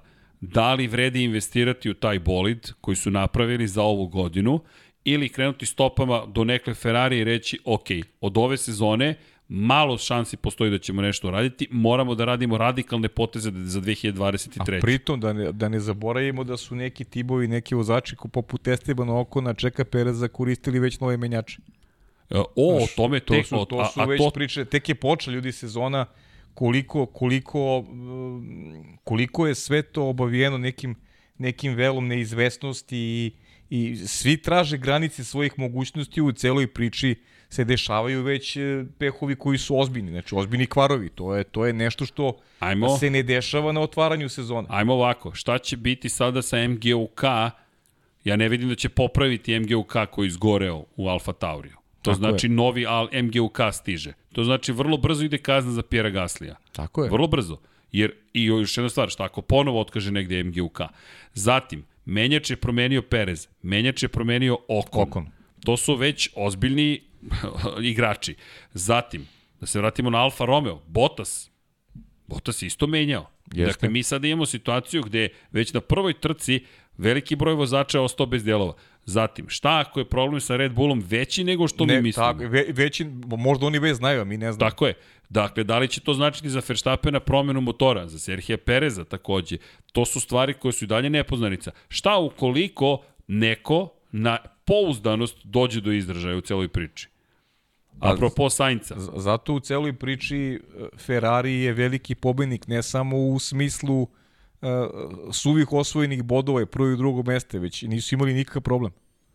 Da, da, Em su pobedili- vozači imaju svoje one kažnjenje pojene koje imaju tako je. Da, tako godina je, i tako je. m- mnogi ne trebaju, ne trebaju još dva, tri pojena i isto moraju odustati prvo. Da, mnogo je stvari. Tako da moje mišljenje, apropo ovog za McLaren, i za sve timove koji su loši, moraju da sačekaju prve četiri trke. Zašto? Bahrein, trka po noći. Pola treninga ničemu nisu služili za ovu trku, služili su više za testiranje za neke druge trke, a morate da čuvate gume. Zatim, idemo u Džedu, slična situacija. Pola treninga će biti u uslovima koji nemaju veze sa trkom. Zatim, to je ulična brza staza, ali ćete dobiti sada podatke sa dve različite piste. Treća trka, dakle mi sada idemo na Albert Park, koji se od uvek znalo da je specifična staza koja ne pokazuje pravo stanje stvari. Ali u celom ovom zbiru će ti dati neke nove podatke. Onda tek ideš u Imolu na klasičnu stazu da vidiš kako taj bolid funkcioniše. Tamo će Hasan da mi ispriča sve kako izgleda. To, Hasane, jedva čekamo. I Inače, Andrej će neko... biti tu. Kako? I Andrić Jao, I Andrić će biti. jeste. Andrej, jao. Vidi, ej, Andrej je bio na evropskom prvenstvu u Dvoranskom. Da. Da, trudimo se da promovišemo i njim, Andreja i šta je sve fotografisao. Da, da, da, da, Vas sjajno. dvojica, vidi, mi smo vas prisvojili, tako da znate, to je... Video sam neke slike, da, fenomenalno. Ma fenomenalno, ma, ma mislim sve šta radite. Ali gurat ćemo i tvoje futbolske fotografije, nema ništa da brineš. L- Sad ćemo da te- meni, za Andreja to, on, on ne ide tako brzo u atletici kao ove bolid. Lakše. Lakše mu je, lakše, mu je. Lakše dok- mu je. Ma to je za njega lagano, to je Jeste. pit lane. Tačno, tačno. Sjajno. Tako da eto, apropo svih tih stvari, mislim da moramo sačekamo zapravo kraj aprila, početak maja, gde bi možda onda neki tim mogao da kaže, ok, ovo stvarno ne radi, idemo na sledeću sezonu. Ne, Pa da. Pre toga mislim da je suviše rano za bilo kakve Ma naravno, drastične ma nema, poteze nema. i šta ako McLaren odjednom bude super brzo u Jedi? Bude u Q3, na primjer. I onda za 7 dana, o, kakav McLaren i to. Inače, nisam odgovorio na pitanje da li je iznenađenje, i to je Nedim Tufek, Tufekčić, donirao je čovek i dve marke bosanske, dakle, da li je Magnussen najveće iznenađenje? Pa, jeste i nije.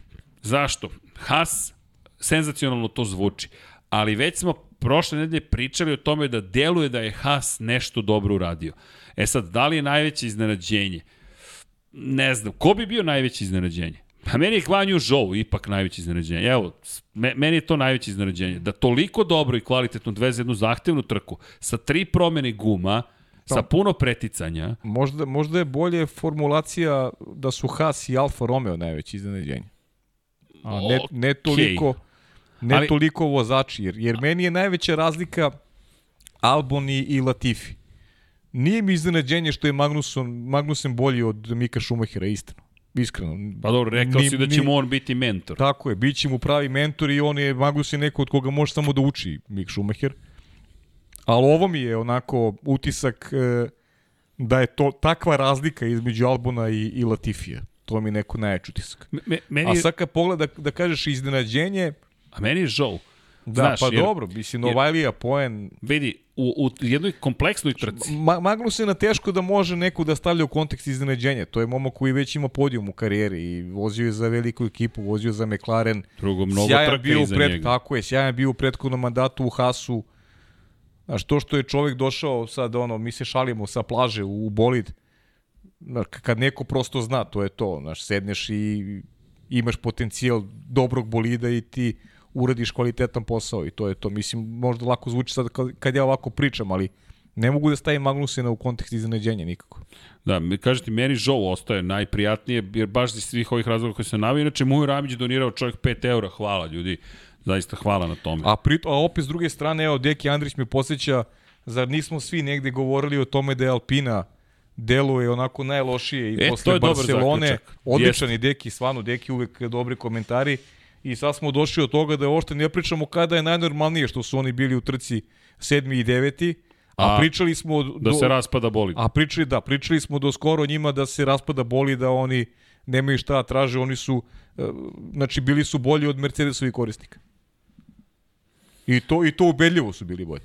Ne računam dobro rezultatski Hamiltona i. Russella, ali ove ostale ekipe Mercedesove, oni su ih, poništili su ih u, u trci. Da, da vidimo da li ima još pitanja. Bane, pitanje, da li mislite da je Mercedesov koncept pogrešan kao što je Haas rekao i da li očekuje od sledeće godine možda čak već, već ovaj Mercedes vrati na konvencionalni auto? Pa, to smo spominjali. Mercedes već ima nešto što je spremno kao konvencionalni bolid. To smo videli u Barceloni. To je sad samo na njima da vidi da li će to testirati na nekoj od trka, ali opet ponavljam, ovih par trka čekamo, još prikupljamo podatke.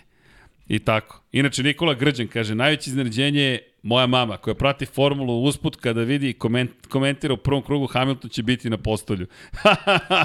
Nikola, pozdrav za majku, to je fenomenalno. E, Amir, raspadao se Alpinin bolidi na prvim treninzima, pa u bodovima. Jeste. Jeste. Jeste. Da. Inače, Damjan Cvijević kaže, postoji priča da je Ferrari u ovoj trci minimalizao snagu svog PO kako bi trajala, ta, trajala sezona. To je, to je, i- to je i Deki Andrić isto poslao da je čuo negde da nisu koristili maksimalnu snagu agregata. Da je negde pročitao. Ja stvarno nemam tu taj, taj podatak. E, Da, inače, kada pričamo, im, ima svega, ajde ovako. Um, ono što je meni sumnjivo i što, što sam te da spomenem na početku, nekako mi je pobeglo, a to je da li smo zaista videli punu snagu zapravo u celoj priči, da li smo videli u punu snagu zapravo Ferrarija na pravcu? Pazi, u, u trenizima smo znali da ne koriste osmi stepen, to se jasno videlo. Uh, ali ne znam, svaj, zaista ne znam da li su koristili punu snagu regata na, na, na, na nedeljnoj trci. Znaš, jer to je ono što, što mi zapravo u suštini ne znamo.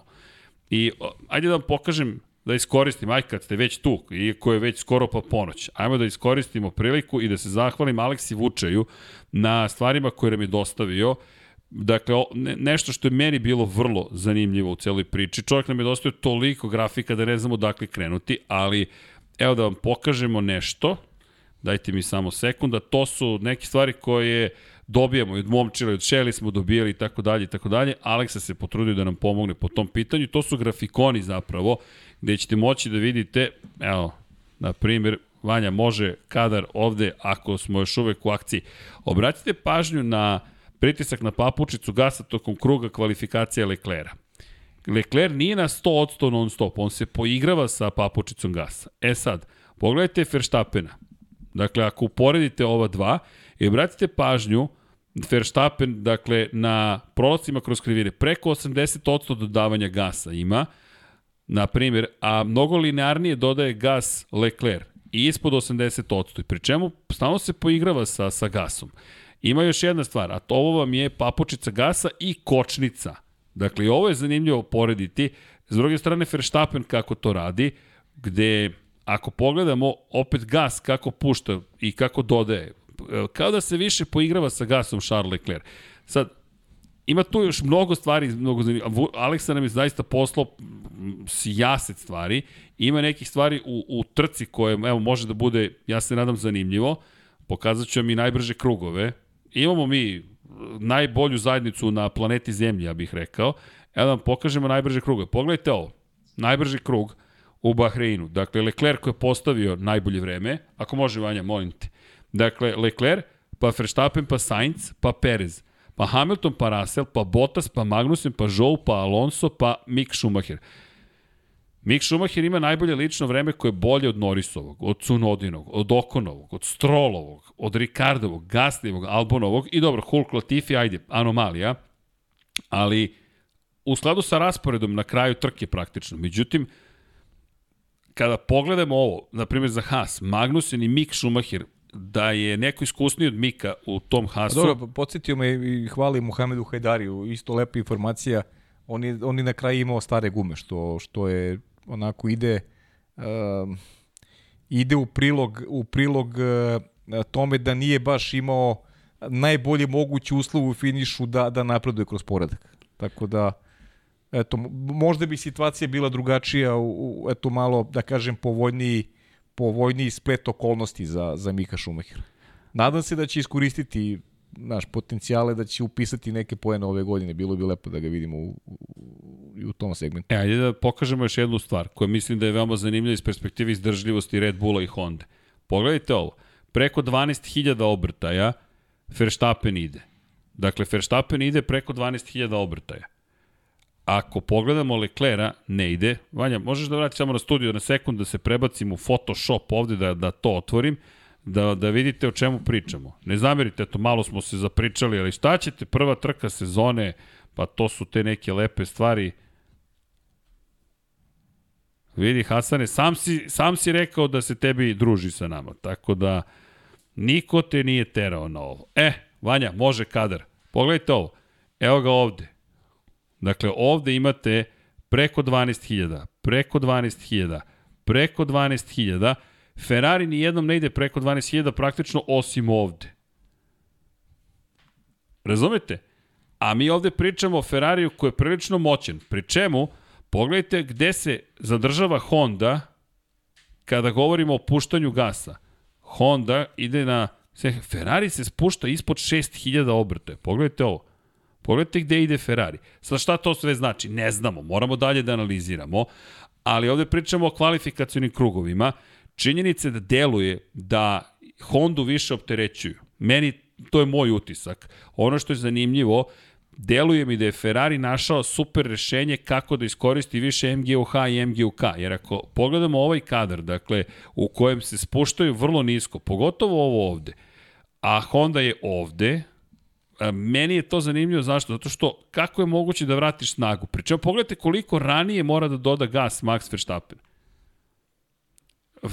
Ima ovde mnogo zanimljivih podataka i hvala Aleksi. Inače, ako se vratimo na drugi kadar, pogledajte s druge strane poređenje između Hamiltona i Leclera. Pogledajte gde je linija od 12.000 obrtaja. Jedva da je dotiče zapravo u celoj priči i Mercedes i s druge strane Ferrari. I mnogo su sličnije linije između Mercedesa i Ferrarija. Kod Honda nešto drugačije. Naravno, sad ovo su sve spekulacije, ovo je jedan krug, ne znamo, ali su to stvari koje ćemo pažljivo izanalizirati, jer ima zaista mnogo podataka. Ferrari u svakom slučaju nešto uradio što je dosta drugačije nego što je bilo prethodnih godina. E da, i još jedna stvar koja može da bude zanimljiva, samo mi daj sekund Vanja, molim te, to su stepeni prenosa. I hvala Aleksi Vučovi na ovome, ovo je zlato, bukvalno. Samo da nam Alekse sad ne ode, ili neka ode u McLaren, Ferrari, samo nemoj i ti u Red Bull Racing, ajmo malo da promenimo tu celu priču. Da imamo ljudi svuda, Tako ovaj, je. rasute po svim timovima. Tako je, evo ga Leclerc, pogledajte sad ovo, kvalifikacioni krug, stepeni prenosa, ako možete da vidite. Po bojama je to Aleksa sve razvrstao. Je šesti, sedmi, dakle osmi, koliko traje. Ajmo da se vratimo na Sainca i da pogledamo Verstappena. Šta ćemo da zaključimo? Ne znamo još, ali ćemo se tekako pozabaviti ovim, pa ćemo da vidimo ko je tu malo drugačije šta uradio. Ono što je zanimljivo, na primjer, Verstappen silazi u drugi stepen prenosa kod krivine 7, ovo je, ne, ovo kod krivine 8, to je u desno. Dakle, plava boja ističe i to je zanimljivo, na primjer, pre čemu Ferrari na izlasku iz 10. je u trećem stepenu prenosa ali mogu to i da otvorim u Photoshopu, čekajte, dajte mi sekund, sad ćemo mi to da otvorimo u Photoshopu, da vidite, ako se dovoljno jasno ne vidi, da vidite razlike.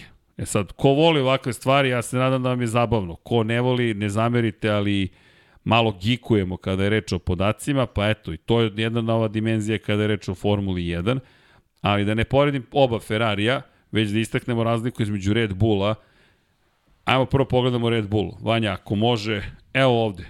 Ovo, ovo ovde krivina, to je deseta, ovo ovde je osma. I ako pogledate, to je ova plava boja. Dakle, u drugom stepenu prenosa. Ako otvorimo, ajmo, open photos, idemo ovamo, i Ferrari, ako pogledamo, može nazad, obratite pažnju ovde. Treći stepen prenosa. I ovde takođe. Dakle, Ferrari je drugačije postavio svoj motor.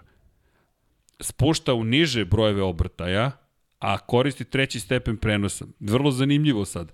Da li to štedi gorivo, da li to drugačije će uticati na izdrživost motora. Baš je zanimljivo. I drugo, što Honda mora da ide u zaista visoke brojeve obrtaja. To je ono što je meni fascinantno u celoj priči. Jer ako pogledamo, Verstappen sa svih strana probija tih 12.000. Sa svih strana, evo pogledajte, to kako on na, na vrhuncu dodavanja gasa, on je stalno preko 12.000. To su kvalifikacije, analizirat ćemo mi još po trkama i tako dalje, ali Aleksi hvala do neba za ovo što nam je poslao, zato što su ovo zaista za nas vrlo zanimljive stvari. Ima tu poređenje i po brzinama, međutim da teško je razaznati zapravo razlike, pa eto tu smo negde stali i ono što bih, još jedinu stvar koju bih vam pokazao, to jeste zapravo brzina kada je reč o poređenju vozača, bukvalno brzine po krugu, čisto da vidite i to poređenje. Mnogo je stvari, pa ne zamerite što dok sve stignemo da ispričamo, ali nadam se da će... Ko je izdržao da će biti od koristi? Tu nam je Hasan, tu je Paja, tu su gosti, tu su grafikoni, tu su fotografije, pa ja ne znam šta sve nema. E, pogledajte ovo kvalifikacije Hamilton-Leclerc. Ovo je brzina. Dakle, ako uporedimo gde Mercedes to gubi kada je reč o, o, o brzini, više ćete primetiti, na primjer, na kočenju na dodavanju gasa na izlastima iz tih krivina sporih i Ferrari i koji u drugom delu kruga i tekako dolazi do izražaja. E sad, poređenje Magnussen, na primjer, Russell, Pazite, ko bi rekao ćemo ovo da poredimo, da Magnussen ima veću brzinu od Rasela, potpuno fascinantno. I naravno Verstappen protiv Hamiltona. Na startu ciljnom pravcu već možete vidjeti razliku koju stiče Honda. Značajna razlika tu postoji. Imate Verstappen protiv Leclera, iako je Lecleru pripala pol pozicija. I tako i potvrda onoga što si rekao, Hasane. Tako da, eto. I to smo iskoristili. Hvala, Aleksi, na, na svemu. Da, dobro, da, to je, to je trenutno stanje, početak sezone, a ja bih posjetio samo eto da, da treba gledati iz, iz svih mogućih e, perspektiva, ali da ovo nije, nije konačno stanje stvari, ovo je ljudi prva, prva trka i podsjetio bih Hasane on, onu, onu tvoju rečenicu s početka kako je Has izgledao u onoj prvoj sezoni Kevina Magnusina da. i Romana Guržana kada su mogli se bore za podijum, a sećamo se kako su tu istu sezonu završili. Da, tačno, da. Dakle, da. prvi deo sezonu su bili fascinantni. Odlično, da.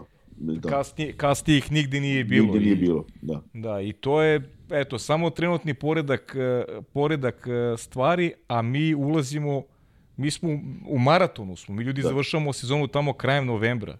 Da. Stvari će se sigurno menjati i opet treba očekivati da te neke ekipe koje e, nisu trenutno u fokusu da će taj isti vratiti tu pre svega mislim na, na McLaren. Ja verujem da. da će se McLaren vratiti zaista. Hoće, verujem hoće, da će, naravno, kao i Mercedes, je, da. da. Kao i Mercedes, da ne pričam o Mercedesu, Mercedes neko i podrazumevam da, da, da, da. u toj priči, ali da. početak je početak je poprilično iznenađujući, da. ali ljudi vidim da mnogi pišu o tome, prvo, prva trka nije ogledalo sezone. Ljudi, setite se da, pa, no. i prošlosti šta je bilo. Setite se u krajnjem slučaju koliko je Ferrari bio dominantan uh, i, i, i, kod, i sa Fernandom Alonsom i sa Sebastianom Vettelom u prvom delu sezone, pa ih nigde nije bilo, na nažalost, u drugom ništa, delu da, sezone. Da. A Tako 2020. Da je... su, su se McLaren i, i Ferrari su se borili e, za, za, za treće mjesto i uh, pobjedio je McLaren prošle godine pobjedio Ferrari McLarena kao treći, ali Jest. nije njihovo da budu treći, nego Ferrari ipak gleda napred da, da bude prvi i, i iz ove godine izgleda još bolje, naravno. Jeste. I super je što je Ferrari ovako krenuo, to, to nema cenu kad, kada e, pričamo o eri u kojoj je obeležio Mercedes, gde je Red Bull prošle godine prekio tu, tu dominaciju i sada se pojavljuje još jedan tim koji je, koji je kadar da pobeđuje. Da. I to, to nema cenu, to je daj ovom sportu i, i više na draži i, i, i jedva čekamo sledeću trku da vidimo kakav će sada raspored snaga biti, ali e, da ne donosimo, nema potrebe da donosimo neke e, krucijalne sudove jer jer stvari stvari se menjaju. Mislim formula je takva gledaju, sport. Pa naravno sve ekipe gledaju napred i na, za nas bi uvek bilo bolje da za naredni pet utrka da, da imaju pet, pet različnih ko, ko, ko može pobijediti. To je bilo super, jeste. To je najbolje. Nikakva Idealno. kombinacija. Idealno, kod 2012. E, bukvalno. Kad 2012, je bilo da. ludo, kad je Pastor, Pastor Maldonado. Je u Barceloni još mogu pobijeti, Čekaj, da. Poslednja pobjeda Williams. E, si bio u Barceloni kad je pobedio jesam, Pastor? Da, da, jesam, da. Ko je, ko je zapalio garažu? 100% Maldonado. Ma, ma, bacio ba, Dežurni baklje, krivac. slavio. Da. Baklju nešto, da. da, njegovi drugari. Jeste. Ludo bilo, da. da. pastor, pastor koji toliko puta je bio kriv i kad nije bio kriv, na kraju je bio kriv. Pa, Jest. šta ti je reputacija, ali dobro. Čak nije mogu da ja slavi kako treba. da, dobro. Do, ja, ja ne znam da li smo sve pokrili ili nismo pokrili. To Mislim ja da smo da jesmo. govorili, Znaš šta, pričali. pričali smo o Formuli 2, Formuli 3. Jedino šta, šta da mi ne zameri ovaj Boris Trutin, NASCAR nisam, Boris se gledao ovog puta, znam da je pobedio William Byron, čini mi se da je pobedio. Jeste. Je tako? Jeste, to čekaj da proverim, to Proveri, sam gledao. Znaš kako se brani u Atlanti? Ja nisam, o, da, u Atlanti. Da, u Atlanti. Znaš kako se branio čovek? Eto. Ono je bilo super. Viš kako si ti da punjimo? Ja kad gledam, ti ne gledaš i obrnuto. A ne, to je taj tandem. to, to, to. Sad nisam gledao, stvarno, ne znam. Ne, ne, ja sam gledao finali, nisam uspio da sve ispratim i sedim i gledam, rekao, ma neće valjda, ovo je William Byron, jeste. Jeste, da, I, Byron, i, to znam. i, I znaš kako ih je držao? A, nije niko ništa mogao. Jurili ga, jurili, ne, ne, ne, sve je pozatvarao i rekao, drugari, ne bih vas više Znači. uznemiravao, ovo je, ovo je moja trka. Bilo- E, samo još to da smo prenosili, pa evo, kompletan vikend je onda pokriven. Inače, pozdrav za našeg kolegu Luku, a i za Junkija, Junkie, baby. Junkie Baby, Da. će biti sutra tu, a? Pa, vidi, ti znaš šta Džankin, to se nikad ne zna, to je jedna velika kocka, neizvestnost do poslednjeg trenutka. Džanki, nešto ku, kuvamo, možda neki podcast će da pravi o hip-hopu, pa Super, sad super. bilo bi lepo. Vanja se već hvata za glavu, ko, gde srđane, kada, ko, koliko, čemu, zašto i tako dalje. I tako. Danas imamo još jedan sastanak Vanja. Neki drugari imaju neke lude ideje. Ništa ne brini. Ništa, ili brini mnogo, ali sve u redu. Ali ovo je studio otvorenog srca, punog srca. Inače, da odgovorim Strahinji Blagojeviću, jednom od naših patrona, da li se potrošnja guma povećala zbog prijanjanja novih bolida? Ne znamo. E, Ono što smo, zato što su ovo potpuno nove gume, naša pretpostavka je da jesu, Da, jesu, pa s obzirom i na, na ali ne znamo šta je Pirelli Ne, napravio. Ne, neko, neko je pitao šta mislimo, ko ima najviše problema sa potrošnjom guma. Pa pravo, mislim da je Deki postio to Još pitanje. ne, nemamo te informacije. Nema informacije. Jer ne znamo šta je da- Pirelli napravio. Ljudi, ovo je prva trka. Možemo samo na osnovu onoga ko se prvi požalio, a Pa- to je bio, čini mi se, Lewis Hamilton, ako se ne varam. u- Da, u ali, trci. ali ima tu još jedan problem. Tu postoji problem, a to je ova staza je poznata po abrazivnosti asfalta. Dakle, mi kada govorimo o abrazivnosti asfalta, na, na ovoj stazi mi pričamo o jednoj od najabrazivnijih zapravo. Jao, Vanja, jao, kasni sati, a Pirelli ne spava. Ša, jao, ali evo mogu ja to da prikažem ako hoćeš, nije nikakav problem. Stigao je najava upravo kad već to spominjete gume ovog momenta iz Pirelija. Vidiš da ne spavaju ljudi. Evo i sad ćemo da vam prikažemo koliko odmah šta kažu za stazu u Jedi. Ajde, ovo će možda biti bitan moment. Možeš da pustiš, Vanja. Nešto se desilo. Ne, ovde kod mene, iPad. Da, da, ma da, već su stavio. Baha, Vanja, šta ti je? Evo ga, obratite pažnju na abrazivnost asfalta. Nivo 2. Nivo 2. Čisto podsjećanje radi, samo da nađem nazad, molim vas. Možeš samo da skloniš da baš ne prikazujem Slack, molim te. E, e, kod tebe, super. Ajde samo da nađem da nađem onu prvu i možeš da prikažeš ako hoćeš, ja mislim da ima i ba, evo kod mene je Sahir ako hoćeš. Pa sad možemo da prebacimo. Ovo je Sahir, malo je manje, a evo povećali smo. Obzorite pažnju na abrazivnost asfalta. 5 je abrazivnost asfalta na stazi u Bahreinu. Dakle, govorimo o velikim razlikama. Ako vratimo na Saudijsku Arabiju, vidjet ćete da je abrazivnost asfalta 2. Tako da će to biti dodatni test. Pritom, pogledajte izbor guma. C2, C3, C4. Dakle, nema C1, C2, C3. I još, jedna, još par stvari. Prijanjanje je mnogo veće zapravo u Bahreinu, kada je reč o stresu koji proizvodi prilikom negativno ubrzanje prilikom kočenja, mnogo je manje, zatim generalno lateralno opterećenje manje, stres guma je, ne znam manje, tu su negde otprilike na trojici, i sad, evolucija staze je takođe slična, 4, stepen 4, dakle, što bude vikend napredovao više, više će napredovati brzina, pored toga, prijanjanje asfalta je istog nivoa 3 i downforce, čuveni nizgon, je 2 u Jedi, a 3 je bio u Bahreinu. Dakle, C3 i C2 smo već upoznali u Bahreinu, to su srednje tvrde i tvrde, to su bile meke i srednje tvrde u prvoj trci. C4 za novu verziju još nismo upoznali. Tako da su sve to informacije koje mi prikupljamo, ali eto, Pirelli nije spavao, pa što biste i vi spavali, možemo i mi da vam prikažemo nove informacije. E pa evo, sad stvarno mislim da smo sve, sve preneli. Yes. Hasane, Nekako smo stali u Molim. 3 sata. spakovali smo se u 3 Pa sata. eto, deš, dešava se. Uh, Hasane, imaš ti još nešto da dodaš i da izvučeš iz rukava za kraj današnjeg druženja? Moram još ostati za drugi put. da, da, da. Tako je, Hasan. E da, ali ha, moram da kažem jednu, jednu stvar važnu za Hasana. Hasan je gospodin na gospodinima. I Andrej i Hasan jesu velika gospoda. I svi koji dolaze ovde, zaista. Ali šta je Hasan uradio dok je bio u Bahreinu? Mi, nama je bila ponoć, pola jedan, kod Hasana je bilo pola tri ujutro. Hasan nije rekao ni reč, nego je kulturno izdržao i pobegao ujutru da radi. Tako da Hasane, izvini i hvala ti E, na tome. Ja puno pozdravljam Hasana, a imam još jednu stvar da kažem, pošto sam ja poniko kao i srđen u pisanim medijima, Da. velika je ljubav i poštovanje za fotografe. Jeste. Od uvek sam sa, Hvala. sa fotografima imao super saradnju i stekao i dobre prijatelje i ovaj i veliko mi je zadovoljstvo što sam i tebe Hasane upoznao, tako da jedva čekam da se družimo i ovako, Hvala, hvala, da. što se kaže face to face. To, to, tako treba. Hoćemo.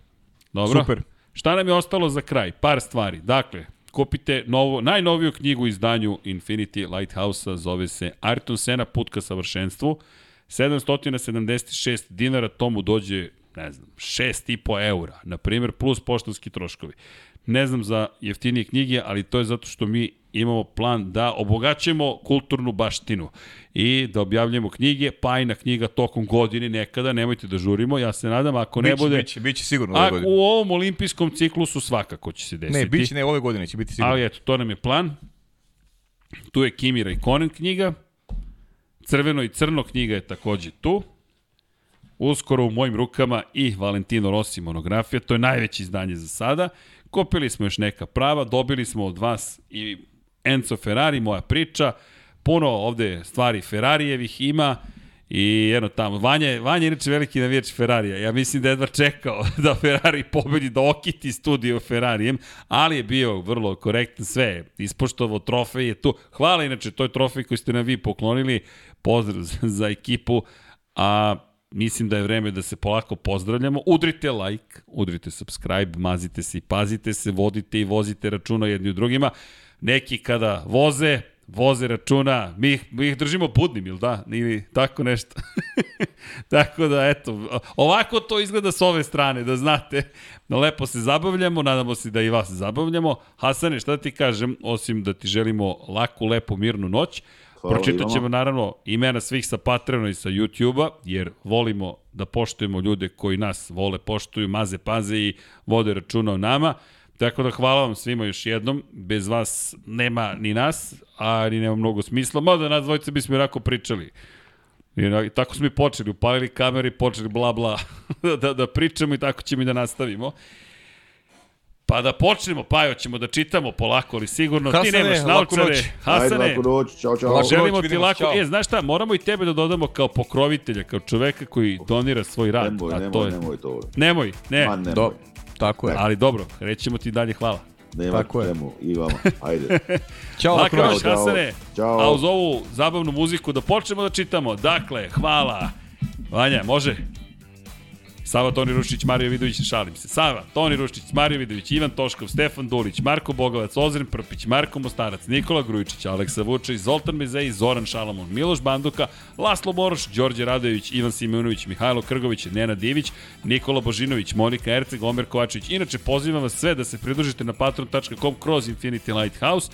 Zašto? Pa, M što nas podržavate, M čitamo vaše imena, to je sitnica, ali ubacit ćemo i vaše imena ukoliko nam date odobrenje u knjige i dakle imat ćete na još jednom mestu ovekovečenu činjenicu da nas mazite i pazite. Dakle, Omer Kovačević, Filip Banovački, Miroslav Vučinić, Predrag Simić, Žorž, Stefan Vidić, Mlađan Antić, Jelena Mak, Mladen Krstić, Marko Ćurčić, Milan Neškov, Ivan Maksimović, Bojan Mijatović, Petar Relić, Stefan Prijević, Nenad Simić, Luka Saović, Andrej Božo, Boris Gvozden, Boris Golubar, Zorana Vidić, Luka Manitašević, Ljubo Đurović, Borko Božunović, Đorđe Andrić, Aleksandar Gošić, Mirjana Živković, Nemanja Miloradović, Miloš Vuletić, Vukašin Vučenović, Ognjen Marinković, Miroslav Cvetić, Marina Mihajlović, Veselin Vukićević, Jelena Jeremić, Antonio Novak, Stefan Milošević, Nikola Stanović, Jasenko Sambrđić, Mihail Stamičar, Stefan Nedeljković, Zoran Majdov, Josip Kovačić, Lazar Pejević, Benjamina, Nemanja Jeremić, da žena ne sazna, e, saznali smo ime čoveka, ali vam ga nećemo otkriti, da žena ne sazna. Boris Kujundžić, Tijena Vidanov, Stefan Ličina, Aleksandar Antonov, Antonović, izvinjam se, e, nisam pročitao jedno ime. Kako? Deja Vujović, naš kolega, prijatelj i drugar, Nemanja Zagorac, Đole Bronkos, Aleksa Jelić, Aca Vizla, Igor Vučković, Milan Ristić, Branko Bisački, Nenad Đorđević, Vukašin Jekić, Aleksandar M, Žarko Milić, De Dejan Đokić, Bojan Markov, Ertan Prelić, Igor Gašparević, Alen Stojčić, Depressed Cody Garbrand Fan, Strahinja Blagović, Aleksandar Jurić, Vladimir Filipović, Branislav Marković, Vanja Radulović, Đorđe Đukić, Miloš Tudorov, Žarko Milić, Emir Mesić, Stefan Stanko, Stanković, Dušan Ristić, ne vidimo odavde, Vladimir Petković, Pavle Njemec, Jovan Đodan, Boris Erceg, Katarina Ivan Cigir, zatim Andrej Bicok, Mladen Mladenović, Dimitrij Mišić, Bahter Abdurmanov, Andreja Branković, Nebojša Živanović, Jagoslav, Jugoslav, nije Jagoslav, Jagodice su mi u glavi, jao Jugoslave, Jagode su mi u glavi, Jugoslav Krasnić, Nenad Pantelić, Vlada Ivanović, Stefan Janković, Aleksandar Banovac. I naravno kada pričamo o našim ode buzika. De, nećeš ti meni u DJ-eve. Znači, uh, šalu na stranu, ali tu su nam i članovi Emir Dugić, Kosta Berić, Aleks Volović, Neven bio, Neven bio centar, pozdrav, Nikola Grđan, Miloš Tanimirović, Vokašin, Felbob, Igor Ilić, Voča Pero, Marko Stojković, Bakadu, Bojan Kitarić, Ivan Magdalinić, Ivan Vujasinović, Resničani, Mladen Mladenović, Tatjana Limajić, Veselin Vukić, Stojan Sabo, Mladen Dukić, Đukić verovatno, ili možda Dukić, ne znam, ali čitamo jedno i drugo, Marko Bogac, Branislav Dević, Vukašin Vučenović, Almedin Ahmetović, Nemanja Labović, Aleksandar Kockar, Miloš Z, LFC, Nikola Kojić, Nemanja Miloradović, Zvonimir Papić, Ivan Božanić, Marina, Vlada Ivanović, Oliver Nikolić, Andrija Todorović, Jelena Ermić, Kalabi Jao, Aleksandar Nikolić, gospodin Anonimni, Petar Bijelić, Milorad Reljić, Nemanja, Bojan Markov, Danilo Petrović i Nenad Simić.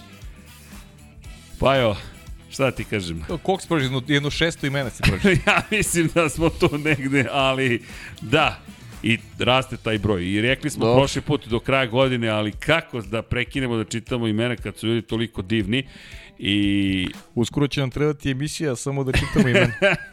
a, pa ali dobro, to smo sad po, pomerili na kraj makar Specijalno da izdanje. Ovo. specijalno izdanje čitamo Patreone. Napravimo odjevu. Znam, Vanja, ali vidi, ovo je taj ljudski moment, nekako, zar nije zabavno, pročitamo, dodamo neku rečenicu. Kako? Ti si, molim? Biće moj, biće moj glas. E, Pa da, ej, snimiš. instaliramo hack na Apple Watch. Srđan, tell me the time. I ja počnem čitam Patreone. Vreme je za čitanje imena Patreona. Ajmo sad idemo, E, e, vreme da oladiće, sad idemo. oladiće se torta. Ovo je pa i bilo previše, vreme je da se Oladiće gasimo. se torta.